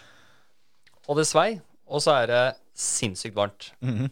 Så det hjelper jo ikke akkurat å puste heller når det svir i munnen, da. Nei, nei, nei. Når du har fått inn kokende vann, liksom. Ja, ja. Og så skreik jeg på rollen. Hva faen er det dere holder på med? Har dere ikke bytta vannflaske, liksom? Jo, jo, jo, vi bytta, vi bytta. Ja, men det er jo grisevarmt. Det går jo ikke an å drikke. Ja, ta den ut av vinduet, og så trykker du på drink. Så jeg tok opp den der eh, luka, da, og trykka på drink og helte ut sikkert en halvliter med vann, da. Og så prøvde jeg en gang til, da. Døtta den inn i munnen, og det var jo like jævla varmt, det der greiene. Hadde de henta det rett fra kaffetrakteren, eller? Jeg, var jeg, det- vet ikke, fikk den der Jeg veit ikke. T-runden. Og så spytta ut igjen, ikke sant.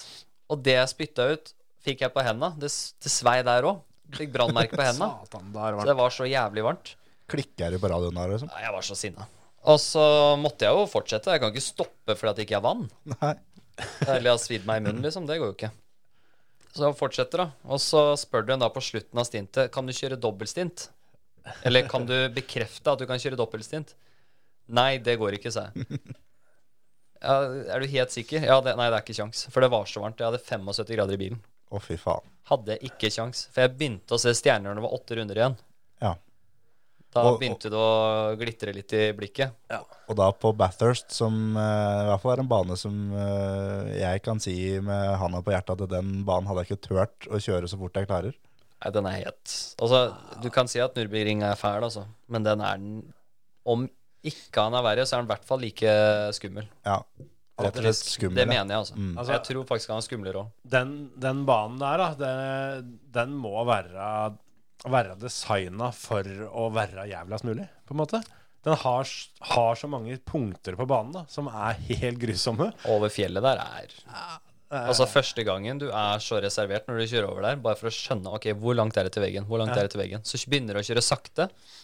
Eller ikke sakte, men også rolig, da, så du har 110% kontroll, men sneie veggen med vilje. Mm. Så må du bare begynne å bygge det opp med å sneie. Selv om du kjører, kall det pent, du trenger ikke å kjøre helt ut dit, men du gjør det. Mm. Bare for at du skal komme inn i rytmen og ha, få visuell eh, kontroll over hvor nærme er du veggen. da. Og så er det bare å øke på. For, for det er jo en litt sånn bane som jeg vil tro at der har du cold brown moments hver runde. Der er det sånn der Å, der traff jeg den smeken. Åh! Speilet det subba godt. Eh, Vi hadde ikke glass igjen i speilet på høyresida. Det var borte med en gang. For det er en sånn bane som jeg vil tro det er nedover sletta. Hver runde. Bare OK, det gikk, det gikk den gangen her òg. yes. Det er bare å puste hver gang. Oh, Kommer letta ut av den der eh, leie venstresvingen der. Ja. Der hadde Matt for så vidt en rå forbikjøring òg, da. Mhm. Den var rå. Han stakk nesa på innsida der, han eh, som vi vant løpet, så det var, det var rått. Men når, når du var ferdig med dette, eh, dette te- T-stintet, for, for å kalle det det, eh, hvor eh, hvor ålreit var det å få seg en kald slurk vann da? Første jeg gjorde, jeg dro av meg hjelmen, og så helte hun bare kaldt vann over meg. Og så i garasjen så hadde vi en dusj. Ja. Med balaklava, med alt. Ørepropper og det som var rett i dusjen, kaldt vann. Da sto jeg en halvtime. Jeg, jeg skulle kjøre neste stint. Ja. Og Matt klarte jo heller ikke dobbeltstint. Det var like varmt for han. Så det var å stå i dusjen der med alt sammen på. Og bare stå der og kjøle seg ned i 25 minutter, halvtime. Rett inn i, i et sånt uh, sånne konteinere, holdt jeg på å si. Sånne flyttekonteinere mm. som vi hadde, hadde bak der. Inn, skifte, på med tørt, og ut igjen. Ja. Da skulle du kjøre. På med hjelmen på nytt. Gjør seg klar. Et stint til, og etter det, det Jeg skal vise dere bildet. Jeg skal finne det òg. Dere må minne meg på det. Jeg så helt ødelagt ut. Men, eh, men dette vannet, var det så varmt Altså, Hadde det blitt så varmt fordi det var så høy temperatur i bilen, eller, eller var det noe gærent? Fant de ut av det? Eller? Jeg veit ikke. Nei. Jeg vet ikke. For du hadde ikke noe vann når du kjørte neste stint heller, eller? Jeg turte ikke å drikke. Nei, ikke sant? det skjønner jeg godt. for det er der, da, hvis du hadde turt å trykke på drink der òg Kanskje det hadde gått. ja, men, Men tenk på men jeg hadde blitt. Jeg hadde sikkert hadde krasja av å bli sinna. Ja. Trykt den, og så hadde du svidd av drøvelen, liksom. Ja. Nei, det er ikke det, Jeg turte ikke å prøve. Tenkte nei, jeg lar det være. Ja, Drakk masse rett før. Så, men det som var litt eh, komisk, var da på flyet mandagen etter, da. Så da hadde jeg jo litt tid å sitte på fly, da. For det er jo da Ja, ja. Første fly er 15 timer, så du hadde litt tid å sitte der, liksom. Ja. Først er å bestille en iskald cola med isbiter. Og ta første svelgen, og så Hva er det jeg har for noe i munnen, da, tenkte jeg. Så gjorde jeg sånn oppi ganen. Og kom all huden, da. så jeg hadde svidd meg litt. Gikk jeg på, på badet på, eller på doen på flyet og titta, og der var det ganske rødt, altså. så jeg hadde svidd meg litt. Det er ikke de skadene du regner med å få når du driver med motorsport, for å si det sånn. Det er ikke det. Det blir alltid litt morsom historie, vet du, når du rett hjem og steker steke seg en Grandis og ta en bit litt for tidlig, da? Ja, ja. Det er samme hva du spiser, egentlig. Det er neste tre dagen der, altså. Fy faen. Men, det, men åssen er det å, å vinne det løpet der, liksom? Å kunne si det, for for du kan jo nå sitte på gamlehjemmet og si 'jeg vant på Bathurst', tolvtimeren der. Nei, det er eh, Det var sykt kult. Og så var det hele storyen rundt det med at eh, det var første løpet hvor Earl Bamber drifta sitt eget team. Mm. Eh, det er første gangen Porsche har vunnet der. Um, og I tillegg vi var litt grann underdogs, egentlig, fordi at vi, bilen vår var ikke den sterkeste der den helga, men alt klaffa. Og Matt var helt sinnssyk på sluttstintene. Mm. Så Nei, det var, det var en stor helg, altså. Det var det. Og jeg har faktisk én ting til å legge til der. Det var eh, når Matt kom inn da, inn i depot og skulle opp på pallen. Så han feira jo på, på opp og tak på bilen og alt sammen, han. Men eh, når han kom inn, da, så sto vi inne på et venterom der før vi skulle ut på pallen. Da svimte han. da. Bang, sa det. Gikk rett i gulvet. I helsike. Så var det bare å få han opp og riste han, og så var det ut og løfte og sprute champagne. Bare for klin tenn, og så og kom Opp så. Kan ikke komme med han under armen, liksom. Nei, nei, nei. Ja, det er ikke så vanskelig å ha han under armen. Han var vel for så vidt. 55 kilo, så Ja, da var han vel kanskje ned i 45, da, etter å ja, han var ikke storekaren, han. Det er, det er en, en påkjenning, altså. Som du sier, 75 grader i bilen. Og så den banen, da, hvor du Altså, du har jo litt pause til og fra fjellet, men eh, det er rimelig høy, høy konsentrasjon på toppen der, vil jeg tro. Det må være i fokus, altså. Så igjen tilbake til Fredrik Brenna Lund, faktisk. Ja. Vi har hatt noen harde økter med han. Når du ikke får puste nedi den der NTG-hallen der nede, da begynner du å nærme deg der eh, vi er på Bathurst. Men det er, det er jo da Fredrik er på sin mest irriterende nå. Jeg syns han er best da, jeg. Ja. Det er det beste okay. med Fredrik. Det er det jeg elsker med han. Jeg liker å bli sparka i ræva. Ja, det er eh, Jeg mener å huske han nevnte det når eh, han var innom her, at eh, du var en av de som på, en- måte dro strikken lengst, da. At det er noe du tydeligvis har vært komfortabel med lenge. Ja da. Jeg liker å tøye grenser. Jeg syns det, synes det har vært gøy. Det har vært oppå tre ganger hver dag med trening, og, Ja. men jeg, jeg brant meg ut til slutt. Jeg måtte roe ned. Mye er det nå, nå for tida? Er det, Det er fortsatt en del, men det er mye mer grunnleggende for å vedlikeholde, egentlig. Ja. Så egentlig ikke så mye for å bygge, for det grunnlaget har vi allerede. Så nå er det på en måte det der vedlikeholdet, og så pike da, mot, eh, mot sesong. For når du kjører DTM og, og, og sånt nå, hvor, hvor strengt er det med vekt og sånne ting? Er det Det er ganske strengt, egentlig. Også, mm, Nå er jeg 1,87 høy. Ja. Um, minimumsvekt av dette er med 80 kg med kjørestyr. Ja. Så det vil si at jeg må egentlig veie 74 da, mm. for å være innafor. Helst skal det være en halv kilo, en kilo under, så du har litt å gå på. Ja. Så akkurat nå så holder jeg på å spise salat og kose meg, vet du. Etter jula.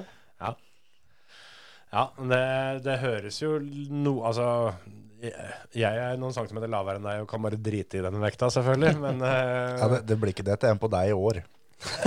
Nei, det, altså hvis, uh, hvis det bare er vekta som stopper meg, så skulle jeg alltid gjort et forsøk. Men jeg tror jeg har et par hinder i tillegg til den. da for Ja. sånn. Men tida, blant annet, hvis du skal rekke det i år. ja, det òg. Det, det er et godt poeng. For uh, ja, vi kan legge bort den, så kan vi hoppe over til det. For DTM er, er det sånn der, sånn som uh, i f.eks. Formel 1, hvor vi har sett uh, sånn som Masupin og Latifi og de som har uh, kjøpt seg en Stroll og sånn. Er det sånn i DTM òg? Det er eh, dessverre sånn uansett hvor man er, egentlig.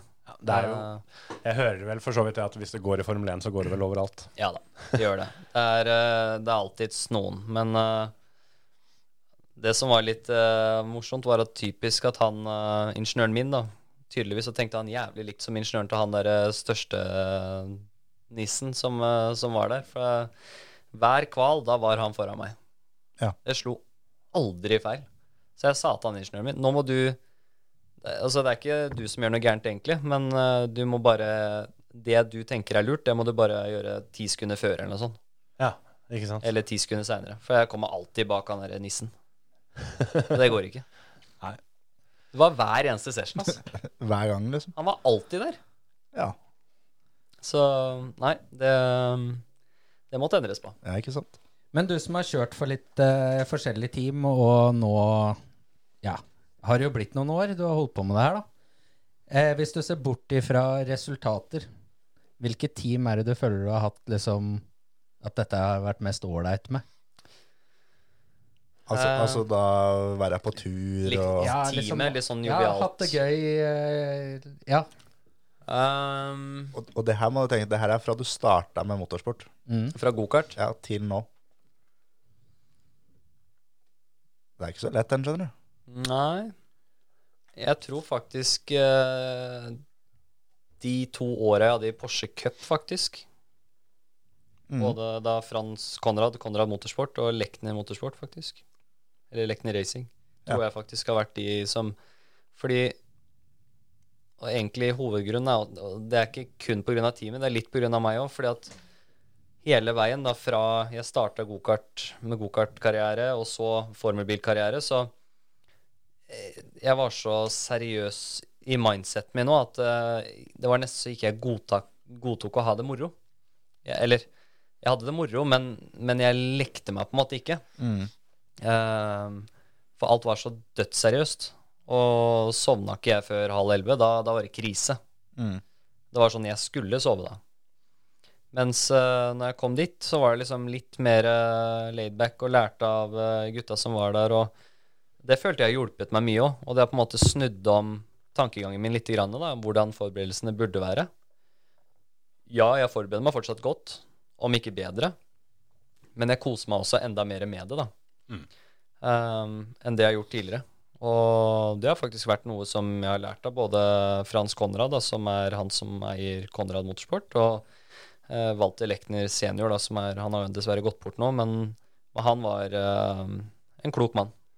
For det er litt eh, oppfølgingsspørsmålet, for jeg snakka med Terje litt om det tidligere i dag, da. Eh, og det er liksom eh, Du har ikke som mål å kjøre Formel 1 lenger. Det har du lagt bort. Mm. Og da eh, og du er veldig fornøyd med det du driver med nå i Porsche Cup. Er det litt sånn at du føler at du på en måte har funnet plassen din nå? At det, at, at liksom Det er greit, selvfølgelig, du vil jo Man vil alltid vinne og, og, og bli mester og det, men at du nå på en måte har liksom flata den litt ut? At du kan konsentrere deg om å bli mester i det her, og ikke skal heve målet ditt? Mm, eh, jeg vil ikke at jeg, si at jeg har stoppa opp eh, sånn sett, men eh, noe nytt som har kommet nå, selvfølgelig, som er eh, veldig kult, er LMDH. Eh, som er nye prototypebiler. Eh, alle de store bilfabrikantene er på plass der, og Porsche er jo selvfølgelig også der. Eh, fikk ikke plass der i år, men eh, det er egentlig et nytt mål, det også, å være der og konkurrere i, eh, om uh, overall-seieren på Le Mans. Eh, vinne Daytona overall eh, i den klassen. Eh, hadde vært rått. Men selvfølgelig, jeg har eh, litt andre løp som jeg er nødt til å ta òg. Jeg har lyst til å vinne 24-tieren på Nürburgring. Jeg har lyst til å vinne Spa 24-timer. Så uh, DTM-mesterskapet har jeg jævlig lyst til å ta. Uh, så mm, det er fortsatt ting som står igjen som eh, må vinnes. Så man må bare gønne på. Ja. Ja. Og til syvende og sist så kommer resultatene når man, eh, når man jobber hardt. Så det er bare å stå på videre. Og jeg tenker litt sånn eh, midten av sesongen i DTM vi hadde i, i, i fjor, den var såpass sterk når vi hadde en konkurransedyktig bil, at det beviste at uh, vi hører hjemme i toppen. Vi må bare ha en bil som er konkurransedyktig. Så skal vi være der. Mm. For det er jo uh, Autosport er jo da et rimelig stort og anerkjent motorsportsmedie. Uh, de er jo på en måte størst og best på det meste, på en måte. Rett bak oss. Ja, rett, rett bak oss. Du er ikke, jeg har ikke like ålreite julebord og firmafest her, men, uh, men ja. Eh, Ja, de- den der gallaen de har, det er jo bare småtterier Ja, ja, ja. vi eh, Den sommerfesten vi hadde i 2020, den uh, toppa her enda. Jeg er nesten fyllesyk enda. Men det er jo en annen sak. Yes. Uh, det er også for øvrig at alle gjester er invitert til sommerfest her, så det er bare å stålsette seg. Jeg er klar. uh, men Autosport hadde en artikkel om deg for ikke så veldig lenge siden. Mm. Eh, som de da, overskriften er at er det her eh, Porsches beste ikke-fabrikksfører? Mm. Og åssen er det å få det stempelet av sånn som Autosport? At du, du er best av de som ikke er, eh, er, er der, på en måte? Jeg føler egentlig bare at man får litt grann anerkjennelse for det man holder på med. Uh, og endelig at man har fått eh, bevist hva man er god for. Uh, og at det har blitt innsett da, utad. Ehm, og det er litt sånn at jeg ikke har ja, altså Jeg har jo også en kontrakt med Porsche, men ikke fabrikkskontrakt. da. Ikke en works driver, som de kaller det. Hva, hva- er forskjellen der, på en måte? Er det kjøredressen bare, eller er det Forskjell er uh, tittelen, egentlig. Ja, det er, Så- det er så enkelt. Så Ja. du, du er, du er Porsche-sjåfør, du er bare ikke fabrikksjåfør. Ja, Ja. stemmer. Så men, men til syvende og sist det at de det, det, Bare en sånn artikkel er egentlig jævlig viktig for meg og min karriere. Det er jo ikke gitt at jeg kommer til å fortsette med Porsche for alt det gjelder. Nei, ikke sant? Eh, jeg har kontrakt eh, ett år til. Den har vart i, i tre år. Og mm, neste år så må jeg forhandle ny kontrakt, og om ikke jeg får det jeg ser etter der, og jeg får det et annet sted, så skal man ikke se bort ifra at man kanskje er nødt til å ta et retningsvalg da, for å en, en, gå en annen retning, rett og slett, for å, for å få enda mer ut av det. da. Mm. Og da er, som du sier, da er jo en sånn artikkel veldig viktig, for det er jo eh, det er jo ikke bare vi i Norge som leser autosport, det er rundt om i hele verden. Og det er eh, eh, alle de store da, anser jo autosport som at det er seriøst. Der er det ordentlig, der er det skikkelig, så det, de kan vi på en måte stole på.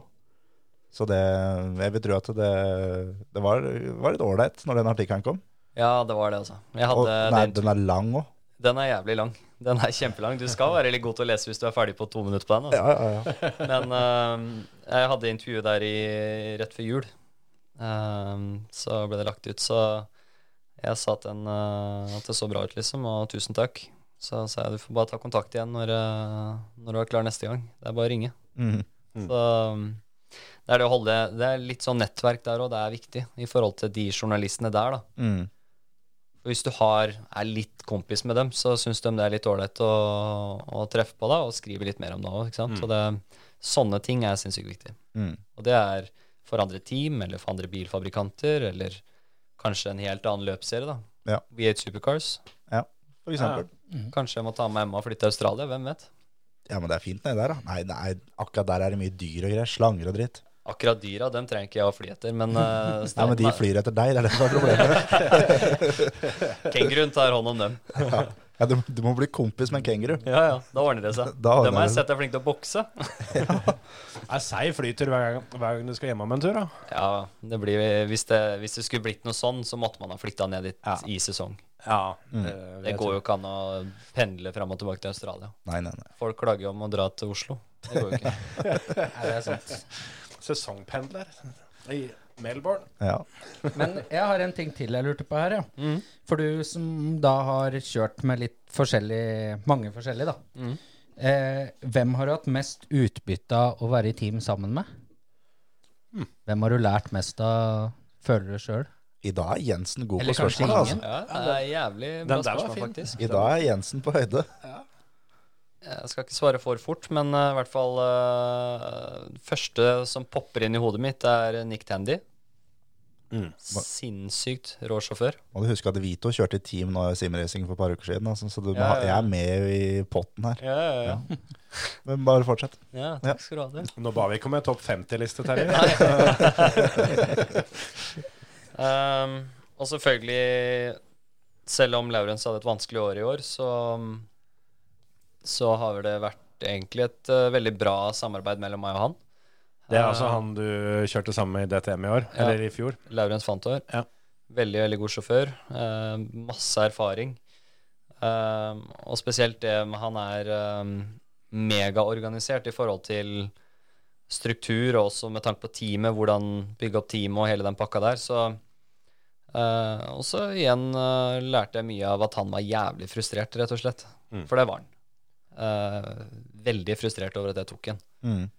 Men du lærer av det òg. Når jeg så hans dårlige side, så lærte jeg hans dårlige side, for at sånn skal Ja. man ikke gjøre. Ikke sant? Sant? Ja. Mm. Så selv om ikke han kanskje sto som verdens beste eksempel, så lærte jeg veldig, veldig mye allikevel. Ja. Og så er det jo uh, Earl Bamber har eh, vært uh, en som jeg har lært masse av. Han, er, eh, han har kjørt mye forskjellig og vært og er sinnssykt god. Han, han også var vel på en måte i sin yngre karriere tippa til at han skulle nå langt. Ja. Og litt samme som deg, da, at det kanskje var tippa i hjemlandet sitt at det var Formel 1-håpet de hadde. på en måte. Mm. Det blir litt sånn som eh, Han er egentlig litt som Shane Van Gisbergen. Mm. Mm. Han kommer heller aldri til å kjøre Formel 1, men han er sinnssykt god. Ja, det er mange, mange som holder han som eh, hva skal man si, klodens beste, beste sjåfør. Han blir rata bra, da, sånn, og det sier jo litt om eh, det australske mesterskapet der. Mm. Det de sier der, altså Supercars er jævlig svært. Og det er på nivå sammen med DTM. Sant? Så det er et Kall det ikke det at bilene er like, men mesterskapstypen er veldig lik som DTM. da. Ja, det er det. det jeg tenkte eh, Det med DTM Nå er det jo ny bil som kommer nå i 2023. Eh, og mange sesonger har den bilen eh, dere kjørte i 2022 vært med nå? Fra 2019. 2019, ja. For det, det er jo da fra fram til 2018 da, som på en måte DTM-bil var et eget, eget konsept, på en måte. Mm. Hvor stor er forskjellen fra den bilen til den du kjørte i fjor, og den du skal kjøre i år? Altså den eh, Tenker du på da Class 1-bilene? Ja. Så Class 1 det var jo egentlig en, en veldig prototyp-bil. Det har jeg aldri kjørt. Uh, men uh, Så, så er Andreas Bakkerud den eneste nordmann som har fått prøve en sånn en? mhm. Ikke sant? Da kan han Faktisk. skryte av det, han òg. Jeg har faktisk aldri kjørt en sånn bil. Så, men det, det var jo en Det var mer eller mindre en monokokk i de bilene. Ja. Nesten som en formelbil. Mm. Med et kit rundt. De bilene var sinnssyke, altså. Mm. Helt drøyt med ero og, og bra med effekt. Men eh, men sånn som det er nå, da, eh, for å komme tilbake til spørsmålet, så i forhold til Class 1 så er det, kall det en ganske god nedgradering. Men også kostnaden er vesentlig mindre. Ja, nettopp. Men det er ikke akkurat billig det vi holder på med, vi heller. Altså, for han eh, teamsjefen som, som eide det teamet vi kjørte for i år, SSR, han la inn fem millioner euro for de to bilene. Ja, Ikke sant. For å kjøre en sesong. Syv løpshelger med to biler. Fy fader. 50 Det er deilig. 55-60 millioner kroner. Euro her. Euro det Gærning her. Så. Men, men den nye bilen, da, den, Men den er fokusert for å være litt mer kontrollerbar, litt mer aero. Vi har 4,2 liters motor istedenfor 4 liters, så vi har litt mer moment. Ja. Så ting er litt mer optimalisert, rett og slett. Men sånn prismessig, da, så høres det ut som at det er ikke så langt unna det Dennis, Dennis Hauger driver med. For å kjøre Formel 2 så er det snakk om røftlig samme årsbudsjettet per bil. Mm. Det, og på en måte igjen da, så tar jeg det opp for at uh, alle de som ikke kan så mye om, uh, om, om DTM, skal få et, et lite begrep om hva, og, hva og hvor stort dette faktisk er. For det veit jeg du har sagt før òg, at det er noe som egentlig har irritert deg litt. At én ting er når du sitter med oss uh, tre kjøtthunder, men uh, når, når media ellers ringer, da, at du må på en måte lære dem opp til hva, hva de egentlig på en måte skal spørre deg om. Mm. Ja, det har vært eh, sånn Det å få forståelsen for det er, er litt tricky her hjemme, altså. Ja. Um, det er litt synd at uh, altså Det som har vært uh, positivt, er at Viaplay har streama det, og, og løpet har vært på Viaplay, men eh, det er jo ingen som har visst om det. Fordi at de har ikke publisert noe særlig om det, og det er litt skuffende, egentlig. Men uh, igjen Nå har ikke jeg lagt så mye vekt på, på det med media og brukt tid og energi på det heller. Jeg har fokusert på det jeg skal gjøre. og ehm, jeg tenker at eh, media i Norge de får hoppe på når de uh, syns det ser bra ut. Når de er klare, ja. Ja. For du er ikke der lenger nå at du er eh, avhengig av, eh, av media og sponsorer. Du, du får lønn for å kjøre. Jeg er holdt opp har full lønn for å kjøre. Ja. Så det Jeg har ikke med meg noen sponsorer nå heller. Jeg syns det faktisk etter den perioden da, hvor eh, Sånn som Andreas har hjulpet til, og, og veldig mange andre, da. eh, som har hjulpet til for å få det til å, til å skje, da, rett og slett. At jeg har muligheten til å kjøre i formbil og, og hele den veien, og egentlig hele lagt opp for at karrieren min er der han er i dag. Det er jo takket være alle dem. Mm. Og nå da, som du tjener penger på det du gjør, da, så føler jeg at Eller jeg personlig føler det er veldig vanskelig å gå til noen og spørre til spons. Ja. Eller fikse spons. Mm. I så fall så må det være noe som de får igjen, altså da med tanke på litt sånn som Andreas var inne på når han var her sist, at uh, med tanke på turer og opplevelser, sant? det er jo noe Andreas og, og, og faren satte veldig pris på og syntes var veldig moro å få være med og være en del av det. sant? Og, og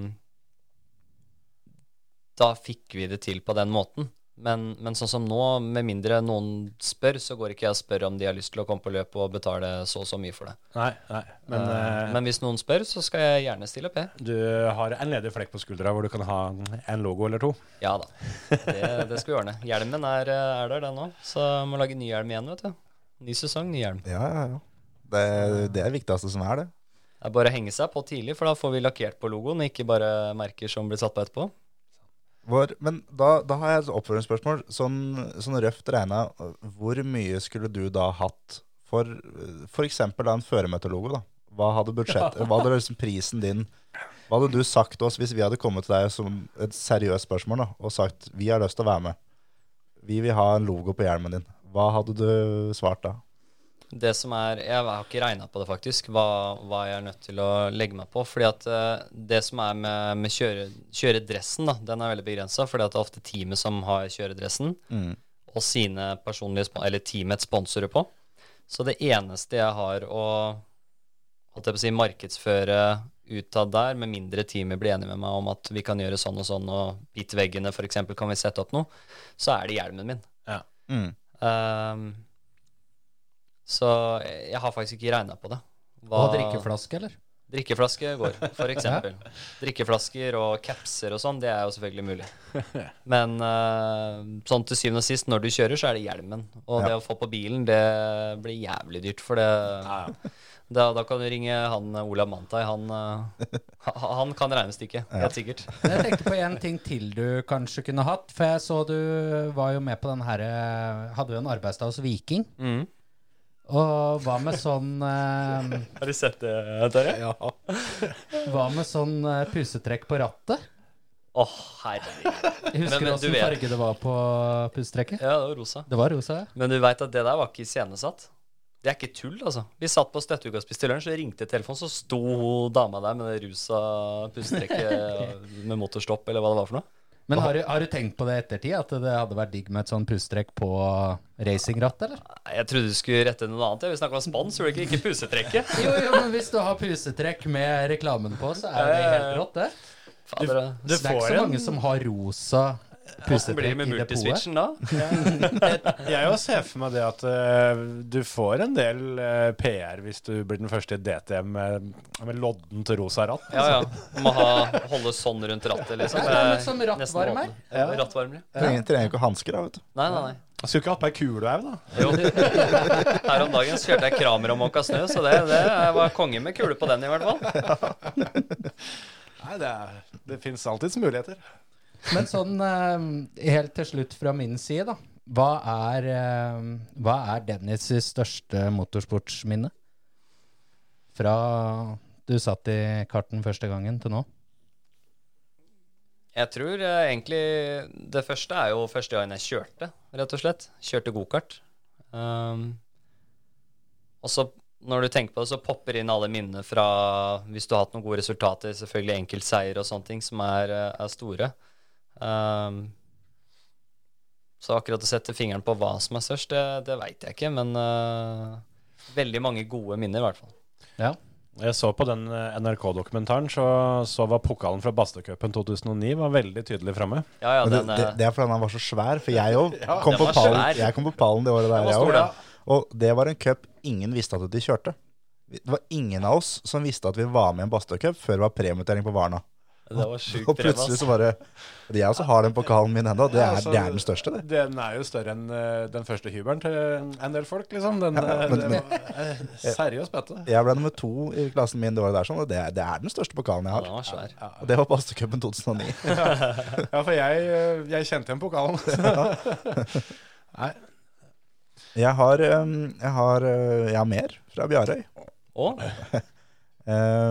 som uh, du har vært uh, sammen med han og kjørt på isen Mm. Dagali. Å, herregud. Ja, jeg veit hva det her er for noe. Ja, der, der var det fyre løs, Dennis. Jeg trenger ikke å si noe mer. Står det monstertrykk på lista di, eller? Nei, det gjør ikke det, men det, vi kan gjerne ta med det. Men det står, det står en Evo og så noe bensin. Men vi kan godt ha noe monstertrøkk. Det høres mer gøy ut. Ja, da, jeg tror heller jeg tar den der eh, som jeg kom på nå, i hvert fall. eh, Med første minne, for den er fæl, egentlig. Ja. Det var ikke noe Evo, men husker jeg ikke hva det var med Evo og bensina i farta. Det, Det var helt sikkert at vi kjørte en tom, tenker jeg. Mest sannsynlig. Jo, det ble et vi- motorras. jo, det stemmer. Vi kjørte og kjørte og kjørte, så var den tom for bensin, og da røyk motoren. Det stemmer, det.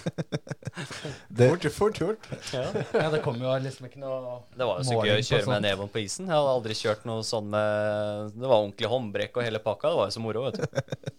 Men, uh, men over til monstertruck? Ja, Bjarisen han eh, kommer til å huske det når jeg nevner monstertruck, han òg. For det var eh, en av kundene hans der oppe. Vi var jo på isen. Det var jo kundekjøring da, for Andreas sine kunder eh, og samarbeidspartnere med auksjon.no. Og så Han ene spurte, spurte meg om jeg hadde lyst til å kjøre en eh, A4 med han og, og kona. var A4 Quattro, da. Mm. Med 200 hester, eller den toliteren, da. Ja. Men den satt jo som et skudd på isen, og firehjulstrekken er jo så bra på den, så den gikk jo fælt, den òg. Altså, han hang jo nesten på med Evoen når vi kjørte rundt der. Det var jo ikke en pigg igjen i den der Evoen, for det hadde vi spruta ut. og så kjører vi nedover. Det var på Heter det Dagali opplevelser, tror jeg. Ja, Mm, mm. stemmer. Nede på isen her, på den flystripa. Ja. Og der hadde de lagd en sjikane. Først så var det en, egentlig en lang S-kombinasjon som Kall det var en dobbel S, da. Dobbel sjikane, som var litt høy fart. Men det ble jo rett strekk etter tre kvarter, så var jo det en langstrekk nesten. ikke sant? Det var bare én sving som var igjen, som gikk til høyre. fordi at der var eh, depot inngang og utgang, så der var det ikke så mange som kjørte akkurat der òg. Så der var det en høyresving. Men inngangen på banen var en høyresving inn på banen, altså i en høyresving. Så når vi drifta gjennom den, så gikk jo vi mot mm -hmm. uh, pit exit, da. Ja. Og på den tida så hadde Andreas en sånn eh, Jeg tror det var en Nissan SUV av noe slag, men så hadde den bygd den om, så den hadde sånne monstertrøkkhjul. Like svære. Ja. Så det var full logo på med auksjon og alt sammen, ikke sant? Så var det en eller annen som satte seg inn i den og hadde kjempelyst til å kjøre på isen med den. Så han bare hoppa inn og kjørte han. Så seg ikke for han. Da kom jo jeg og han fyren som jeg kjørte sammen med, og kona i baksetet i fullt driv. 150-160 på isen, helt sidelengs. Og så sa jeg 'håper han der stopper', sa jeg til han ved siden av. Ja, han gjør sikkert det, sa han. Og jeg holdt det inne ikke sant? og var sidelengs. Så kommer han og bare kjører rett inn i banen. Og rett i hjulet på den der monstertrucken med den bilen. Og den skulle han kjøre hjem med. Det var eneste bilen han hadde, stakkar. Så ja, det ble jo litt uh, vraking opp på isen der òg, da. Det ble det greier, ja. Ja. Det er sånn, Apropos det å ha god tid før det smeller. Det rekker å tenke Akkurat, akkurat der hadde jeg ikke tid til å tenke, for da skjedde det så uforberedt. Så at, uh, ja, fy fader, da hadde vi flaks òg. Herregud. Klistra inn i den der monstertruck-bilen. Lånt bil med kjerringa bak. Er det mulig? Det er stilig. Det er ikke alle som kan si det. at Det var de er- dagalig opplevelse. Jeg kjørte på en monstertruck på isen, da. Ja, det var en racerbilsjåfør som lånte bilen min. Så sånn det gikk. Ja, han, eh, han der eh, stakkaren med Audien eh, har jo for så vidt en bedre, bedre versjon han, han skal prøve han å fikk forklare fiksa dette. det, heldigvis, men uh, uff, tenkte jeg den var redda når du satt inn der og så bare svære greiene bare komme nærmere og nærmere. Tenk deg hun kona da baki der. Ja, hun var jo helt Det er ikke sikkert hun altså. blei med på isen neste gang, liksom. Det er ikke sikkert. Hun var med i hvert fall opp i baren etterpå, for hun var stressa. Ja, Hun tar ikke bussen hjem fra Dagali, i hvert fall, for da står hun der enda. Stå med tommelen og venter på bussen. Men jeg har eh, et annet spørsmål som jeg skulle egentlig jeg skulle vært inne på det temaet her for lenge siden. Men eh, du var jo en gang i tida Red Bull-sjåfør. Mm. Du var jo innunder eh, Red Bull-programmet som da Sim-sjåfør, blir det det? Nei. Jo. Åssen åssen var det det begynte, liksom? Åssen var det du kom deg til Red Bull? Um, det var et tilbud som kom eh, Det var igjen via han Harry Solden, da, han engelskmann som George Russell uh, Han er George Russell sin manager nå. Um, men det var noe som uh, jeg fikk tilbud om å komme og kjøre simulatoren. Altså, det var jo ikke en uh, sim-fører, men de, de brukte oss som eh, Brukte det som en development, da. Ja. Altså um, utvikling. Ja. Men istedenfor å gjøre det dyrt å gjøre det på bane, så gjorde vi det i simulatoren på Red Bull Racing, da, Mm. i Milton Keynes. På hovedkvarteret, liksom. Ja.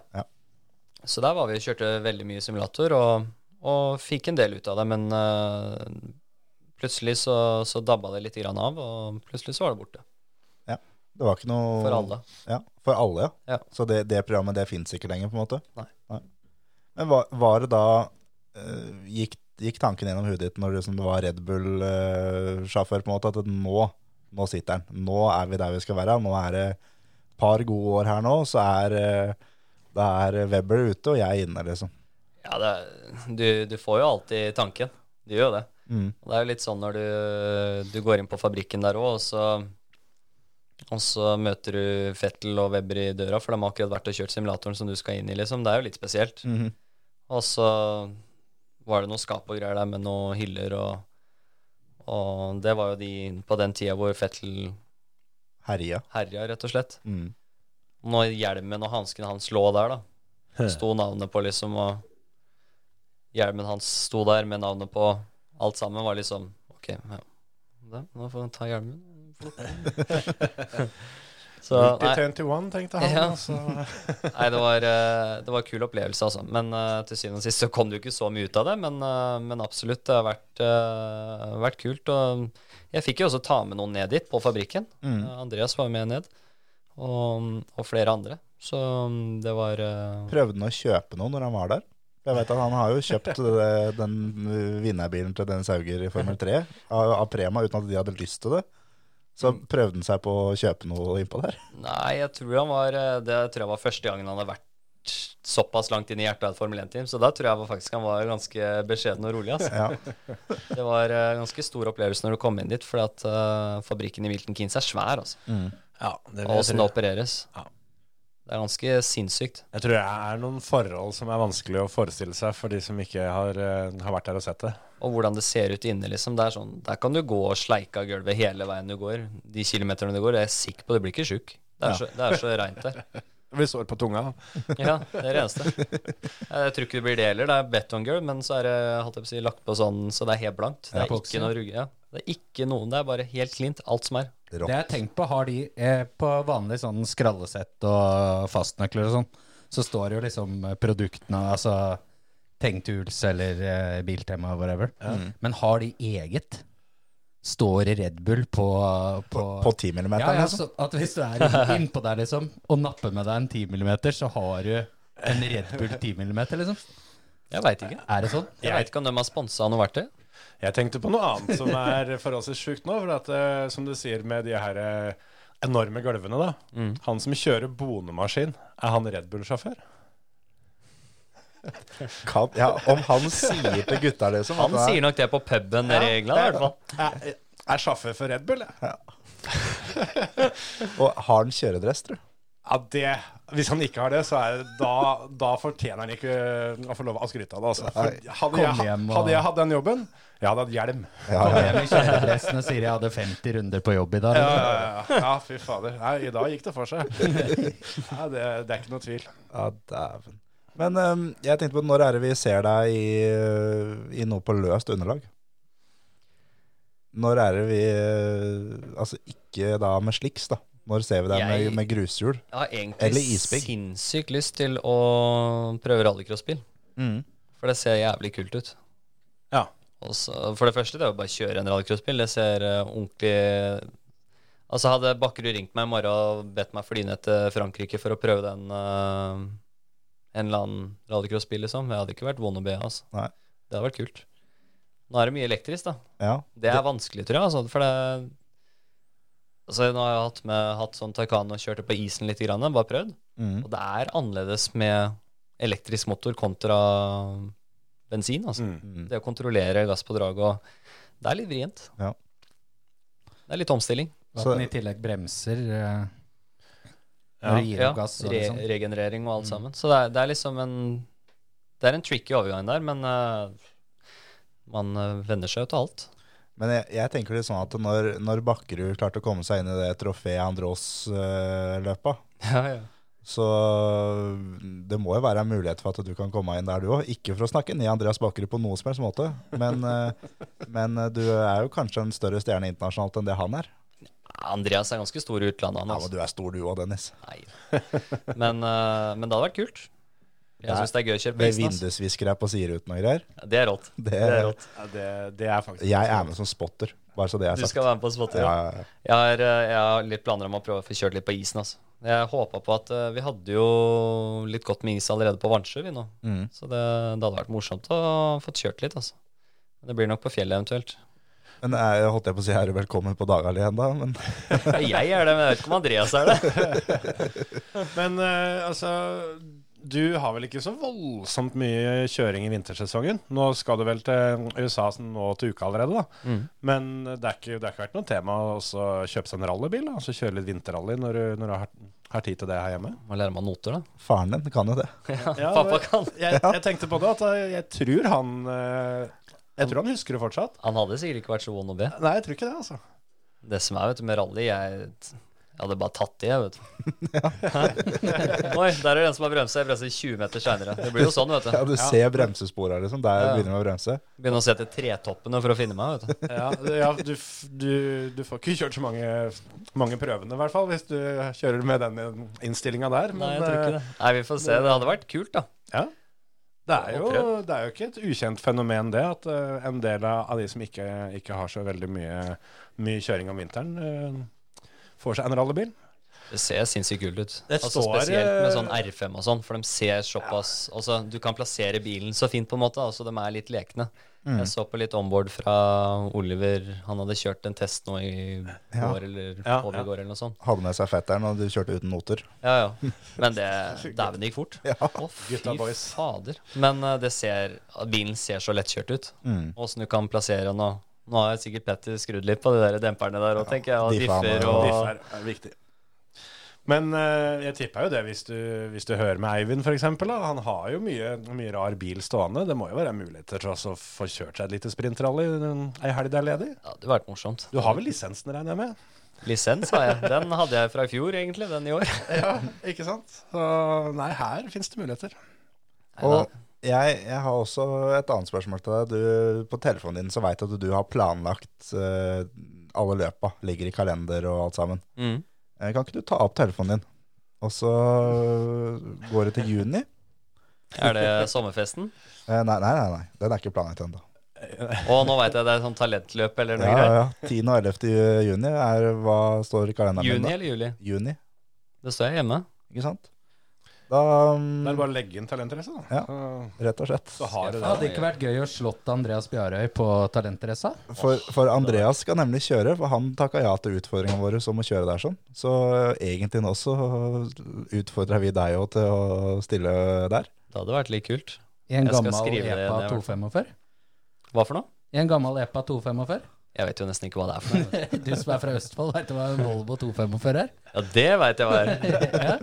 Når du sier EPA, det er, det er så gammel er jeg ikke ennå. Men vet du hva, den uh, klinker jeg inn bare for å ha der, så det hadde vært jævlig kult, da. Men, uh, men tar du Men det er mellom to løp, da. Så Jo, det er ikke en sånn der nakkekrag og rullestol hjem fra bilcross. Nei, nei, nei, nei, nei, nei, nei, nei. Kjetil rulla hvor mange runder hadde du? Det var fire, fire og en halv? Fire og tre kvart, faktisk. Fire og tre kvart. Ja, det, må ikke underskjelle. han, eh, han gikk ut sjøl, var støl i øyeeplet etterpå. Men Ja, det er ikke kødd. det. Kim han har jo fasong som et 200 liters fat, og hvor mange runder hadde han eh, i fjor? Han hadde fire og en halv, så jeg slo han med en kvartrunde. Så det, Ja, og han kjørte dagen etter. Ja. Det var så det er, det er Men muligheter her. Volvo er jo trygg bil, da. Ja, ja. ja. Ja, ja, ja. Kjetil rulla en Opel, den ble vraka etterpå. Den Volvoen til Kim ble brukt dagen etter. Jeg, jeg begynte, begynte rullinga i en Opel Vectra og avslutta i en Opel Corsa. så Nei, det der, der er bare moro. Men da, da ser vi deg på startstreken der, da. Må satse på det. Det, Andreas har jo da takka ja til utfordringa. Så Kanskje vi må ha auksjon factory team bort på talentreise der. må nesten det, da. Høres ikke feil ut. Men da, den sesongen her, da, så sa du det blir DTM, som er hovedsatsinga di nå i år. Mm. Eh, hva er, eh, hva er måla for DTM? De realistiske måla? Jeg skjønner at det er Jeg sa i fjor at jeg skal vinne òg, ja. Når de spurte meg første spørsmålet jeg fikk når jeg kom inn på sånn mediarom der, Mm. hva er målsetninga? Jeg skal vinne.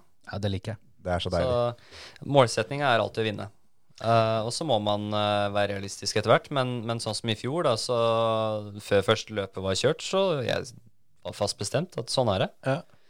Men, uh, etter første kvalet så skjønte jeg at kanskje det ble vanskelig, for at bilen var jo ikke i nærheten av å henge med. Var raskest på treninger og alt som var, og ikke noe stress. Bilen føltes bra ut og hadde dritbra bil på kval. Åtte Mm. tiendedeler bak. Og da er det nesten sist, med åtte tiendedeler bak. Ja Og så titta vi på toppspeed og sånn, var 17 km ned på langsida. Ikke sant. Så ja. Så det jevna seg ut etter hvert, da. Ja. Det var derfor vi klarte å levere litt resultater. Men eh, BOP-en, da, Balance of Performance, den var helt på skakka. For, for det, det veit jeg da før sesongen, så kjørte dere noen sånne tester for å finne ut av BOP-en. Mm. Uh, og da gikk det noen rykter om at de andre teama sandbaga der for Mm. å møte bra i, når løpa kom, da. Gjorde det på en måte vi òg, men uh, tydeligvis ikke nok. De hadde litt mer å vri på, tydeligvis. Så dere også sandbaga, egentlig? Ja.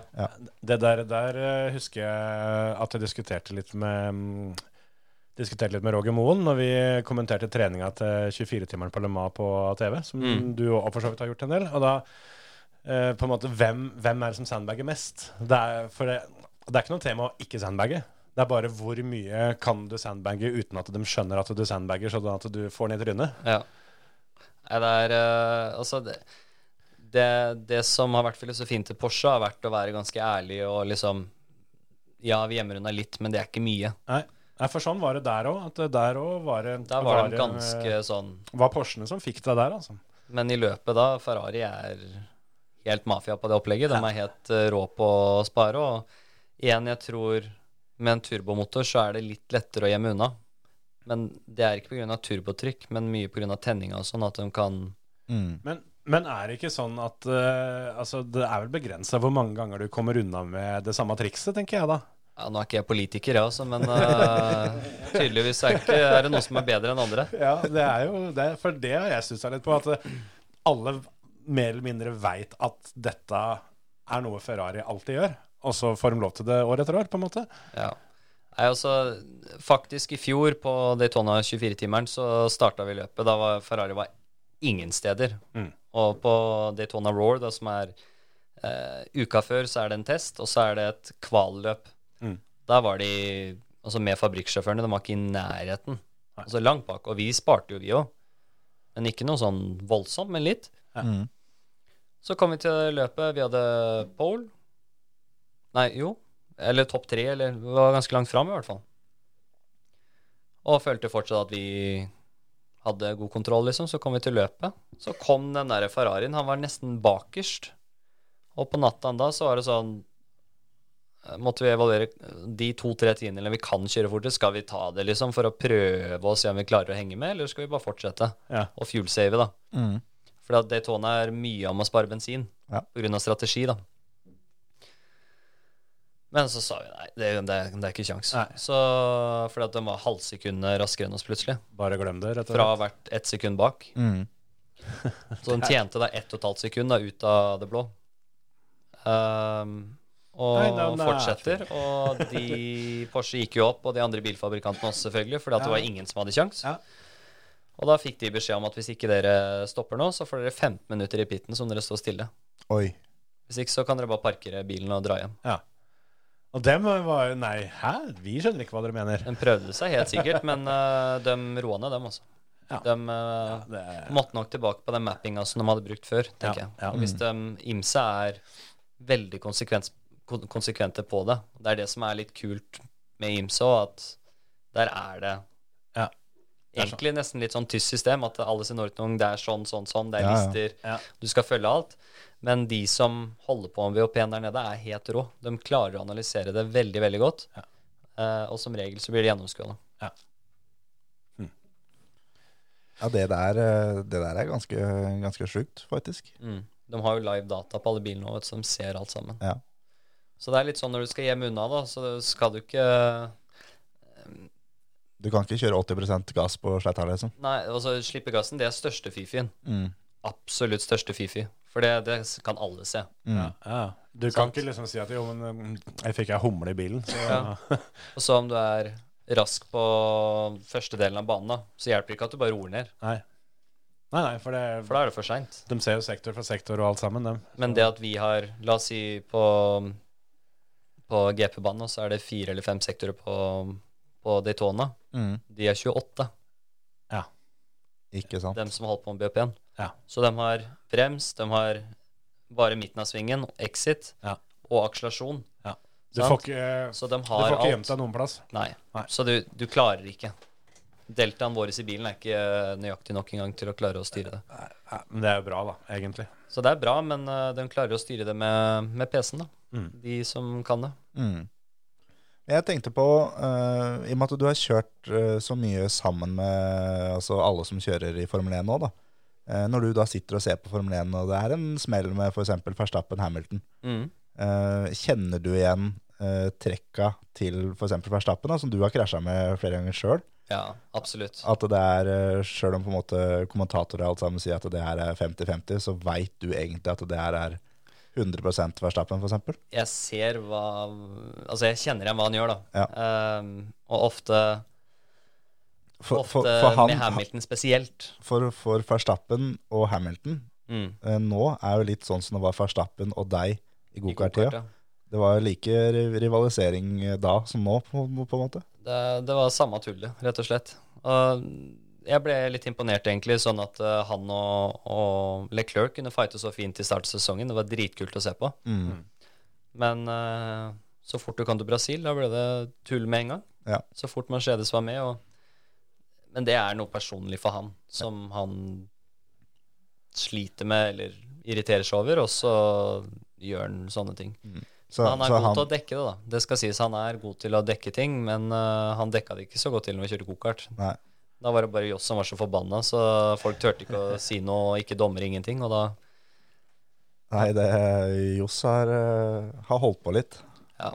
Har du tenkt mye på det, hva som eh, kunne vært annerledes i dag hvis det ikke var han du, du hadde, du hadde fighta med? Hvis det hadde vært en annen en som kanskje var litt mer eh, som alle andre? Kan hende at man har vunnet litt mer mesterskap i gokart, da. Hvis ikke vi hadde krasja hver gang. For vi sto jo én og to i de fleste EM- og VM-finalene, men vi sto jo først i sanda alle, alle finalene òg. Ja, ja. Så Hvor lei var du av Max Verstappen og ikke minst Johs Verstappen? Nei, vi prata ikke mye sammen, vi, altså. Nei. Gjorde ikke det. Var ikke akkurat kompiser. Vi står- sitter ikke og skriver med hverandre nå, liksom. Så Men, er men, er, men er det sånn at, uh, at uh, hvis du møter da Verstappen på en flyplass, da, vil du hilse på han? Eller, eller ja, de hilsa, liksom. Altså, jeg har ikke noe vondt eh, med det nå, på, eller egentlig ikke da heller. Ikke sånn. Nei. Man, man hilser. Jeg hater ikke han pga. det, liksom. Det er jo, det er jo idrett. Vi Ja. fighter, og jeg uh... Det er Litt den der Stian Paulsen-greia. It's not personal, it's racing. Ja, ja. Mm. Jeg, jeg ga like mye som jeg fikk, jeg òg. ja, ja. Du, jeg- du også har kjørt av han, liksom. Om jeg har. Altså, det var sånn hvis jeg skjønte at nå prøver han å ta meg ut, eller prøver å presse meg, eller noe sånt, så passa jeg på at han blei med. Ja. det var ikke bare jeg som ja. skulle ut. Nei, altså det er takes two to tango, som de sier. Ja, ja. Nei, men eh, det var sånn det var, altså. Så fullt trøkk. Det kan være at det, han er en kandidat, men eh, hvis, du, hvis du skulle på en måte luka ut en som er eh, den, den hardeste du har kjørt mot noen gang, som er liksom den, den fyren du følte du sleit mest med Nei, det må jo være maks, faktisk. Mm. Må det. Men han har jo slått. Emil har jo ikke slått. Nei, nettopp. Men jeg har ikke Ja, nå kan jeg ikke si jeg ikke har kjørt så mye med heller, men eh, det er lenge siden, altså. Ja. Jeg veit du prøvde det du kunne eh, når det var NM i 2013, når du da ble, ble norgesmester. Og det var samme året Emil ble europamester. Mm. Så prøvde du det du kunne for at Emil også skulle stille opp i det NM-et, for da skulle du endelig få lov til å kjøre sammen igjen. Ja, stemmer det. Og du sa sånn jeg KZ, da. ja, og du sa nei, jeg har nesten ikke vært der og trena, og fant ut at du hadde bodd på Hønefoss omtrent da, for å trene og forberede deg der sånn. Så, men det ble ikke noe av det der heller. Nei, gjør det ikke det. Nei. Hadde, hadde litt kjørt litt da. Du hadde testa litt da. Mm. Er det på talentrace han skal ta rotta på Emil, eller? Skal han kjøre? Ja, det kan hende Det høres ut som vi kanskje må prøve å få det til, i hvert fall. Ja, ja. Emil, nå hører du meg. Du skal være med, du òg. Er jeg med, er du med. Så enkelt er det. Ja da. Ja, ja, ja. Men uh, nå, vi har holdt på en stund. Uh, jeg tenkte jeg skulle ta og runde deg litt av med et uh, ikke-motorsportspørsmål Ja. som vi har fått inn på Instagram. Mm. Som vi har fått inn fra, fra Simen Holtung, fra, som er fra Kveldsfjes-podkasten som du var med i, ja, Kjetil. ja, ja, ja. Uh, som da ikke er en motorsportsfyr, så da kommer det heller ikke noe motorsportspørsmål. Mm. Eh, vi la jo da ut et bilde av deg i Porsche-kjøredress og alt sammen. Mm. Eh, spørsmålet er da som følger at du ser ut som en som har funnet opp Candy Crush. Har du noen nye app-ideer til å finne opp en app? Hva skulle det vært? Den, er- den er ikke like enkel å ta på stående fot, altså. Ikke app, men uh, Ja, du kunne lagd en app til det òg, for så vidt. Men uh, nå, nå begynner det snart å bli litt for seint, den ideen. Men en uh, tanke er øh, handlekørjer. Mm. Vi har jo vaskehaller til biler Mm. og til alt mulig annet dritt. Hvorfor har vi ikke vaskehall til den? Setter den fra deg der du setter den fra deg, så blir den bare dratt opp av beltet og blir vaska der. Det kan du lage en app til å fikse på telefonen. Ja, ja, ja. Handlekurv. Handlekurver. Ja. Sånn som vaske Rema 1000. handlekurven? Vaske, vaske den. Hvorfor bare stime den? Hvor mye drit det er på de håndtakene. Alle som peller seg i nesa og klør seg i ræva, liksom. Det, For, for det er det som er at hvor ofte blir den handlekurven vaska, egentlig. Ja, den ble vaska mye i covid, da, for da vaska du den sjøl hver gang. Ja. ja. Det er derfor jeg tar sånn plastkurv, sånn liten. Ja. Så har du den hengende på her istedenfor. Ja. Ja. Tar den på tjorven, vel. ja da. Har du spilt mye Candy Crush? eller? Det har blitt litt grann, men jeg er ikke Jeg er så dårlig, vet du. Så sitter på fly og bli forbanna, og så bytter jeg over til å bare høre på musikk eller se på film eller serie eller noe sånt. For Ja, for det tenkte jeg på med tanke på alle disse, disse SAS-poengene som du snakka om. Hva, hva er, det du, er det du slår i hjel tida med når du, når du sitter på fly, og ikke minst når du sitter på flyplassen og venter? eh, Med serie. Ja. Serie. Det er eh, egentlig det det har gått mest i, altså. Eh, egentlig mer serie enn filmer nå Mm. eh, med lange reiser, for da kan du på en måte få med deg en større story, da. Spesielt når det er langfly, så syns jeg det er konge å se på serie. Mm. Men som regel så sover jeg bare på fly. Ja. Hele veien. Hva er favorittserien gjennom uh, tidene? Uh, en serie som jeg i hvert fall syns er veldig bra, er en som heter Sniper. Um, den ligger på Netflix, mener jeg å huske. Den er jævlig bra. Den har ikke jeg verken sett eller hørt om, så den må jeg rett og slett se. Det er da ikke American Sniper-filmen, Nei, men serien, altså. serie Sniper. Ja, jeg har eh, ikke sett den, men jeg, har, eh, jeg kjenner ten, på en måte. Så kanskje det må bli den neste. Tror det er tre eller fire sanger. Jævlig kul serie. Tøft. Eh, den derre The Bridge, da. The Paulsen. Paulsen eh, TV Broadcasting. Har du sett den? Ja, alt sammen. Å, herregud, så morsomt. Ja, ja, han er helt Tenk at han klarte å drite seg ut på slutten der. Hadde jo vunnet det der, han. Ja, han derre luringen. Han, jeg ble altså- så forbanna når jeg så det. At, eh, Det der, der blir litt sånn sammenlignbart med han som, han som går tom for bensin på siste runden på 24-timeren, på en måte. ja, det At blir eh, han ga det bort, rett og slett. Men det er uh, Stian er en godtroende fyr, så da Ja, jeg, jeg skjønner det når det er i den settinga der, at det er uh, det blir annerledes da Jo, når du er der. Jo, men det gikk jo bra helt til han skulle begynne å spille spillet. Siste dagen, liksom. Nå, nå skal vi finne fram taktikksveiva. Og da gikk det til helvete. Ja. Men Stian hadde bygd den brua der aleine på ti, ti dager. uker. Ja, Hvis han bare hadde fått lov til å jobbe når han ville jobbe, han, så hadde han vært ferdig etter ti dager, som du sier. Men ja, apropos han, jeg veit at han har jo fått lov å teste en DTM-bil. Mm. Hadde, vært, eh, hvordan hadde Stian hevda seg i DTM hvis han hadde fått lov til å fått samme muligheten som deg, da? Det, han måtte ha fått uh, kjøre mye kjøreerfaring, men han har jo det i kroppen, sant? Så å kjøre bil, det kan han. Men det er veldig annerledes å kjøre bakhjulstrekk kontra forhjulstrekk. Mm. Så det er jo det å komme inn i det og forstå hvordan det fungerer, da. Mm. Men uh, jeg tror han syntes det var moro, altså. Jeg tror Han det. var ganske ivrig på telefonen når han ringte meg etterpå. Han la jo ut en video etterpå at det, her kan jo du få se åssen det skal gjøres, liksom. Ja, ja, ja. Han flira godt av det, altså. Han klarte ikke å la være sånn. Det er tøft. Jeg lurer på om ikke vi har holdt på lenge nok, jeg. Altså at vi bare får eh, ønske deg lykke til på Daytona til neste helg, er det det det blir? Ja, to uker. Og så er det Bathers etter det. Er dette noe som blir sendt på Viaplay, vet du det? Eller om, om det blir sendt noe sted her eh, hjemme i Norge? Uh, Bathurst er i hvert fall på, på YouTube, vet jeg. Men uh, hvis ikke, så Ja, Det holder for meg, det. altså. Imsa.tv er i hvert fall nettsiden hvor eh, eh, Daytona blir sendt. Mm. Og DTM i år, blir det sendt på Viasat? Håper det. Vet ikke. For da er jo jobben vår da eventuelt å informere våre lyttere om når det er, da, siden ikke det er mulig å få det med seg noe annet sted. Jeg Ja, håper klart det. det. Skal jeg sjekke opp. Så er vi klare, vi, når du inviterer på tur til DTM-løp. Ja, det er bra. Høres bra ut. Da får du ha alle, alle slags lykke til med 2023-sesongen. Og så tar vi en prat neste vinter når du kommer tilbake som DTM-mester. Det satser vi på. Takk for meg. Lykke til. Ha det bra. Hei! Ha det!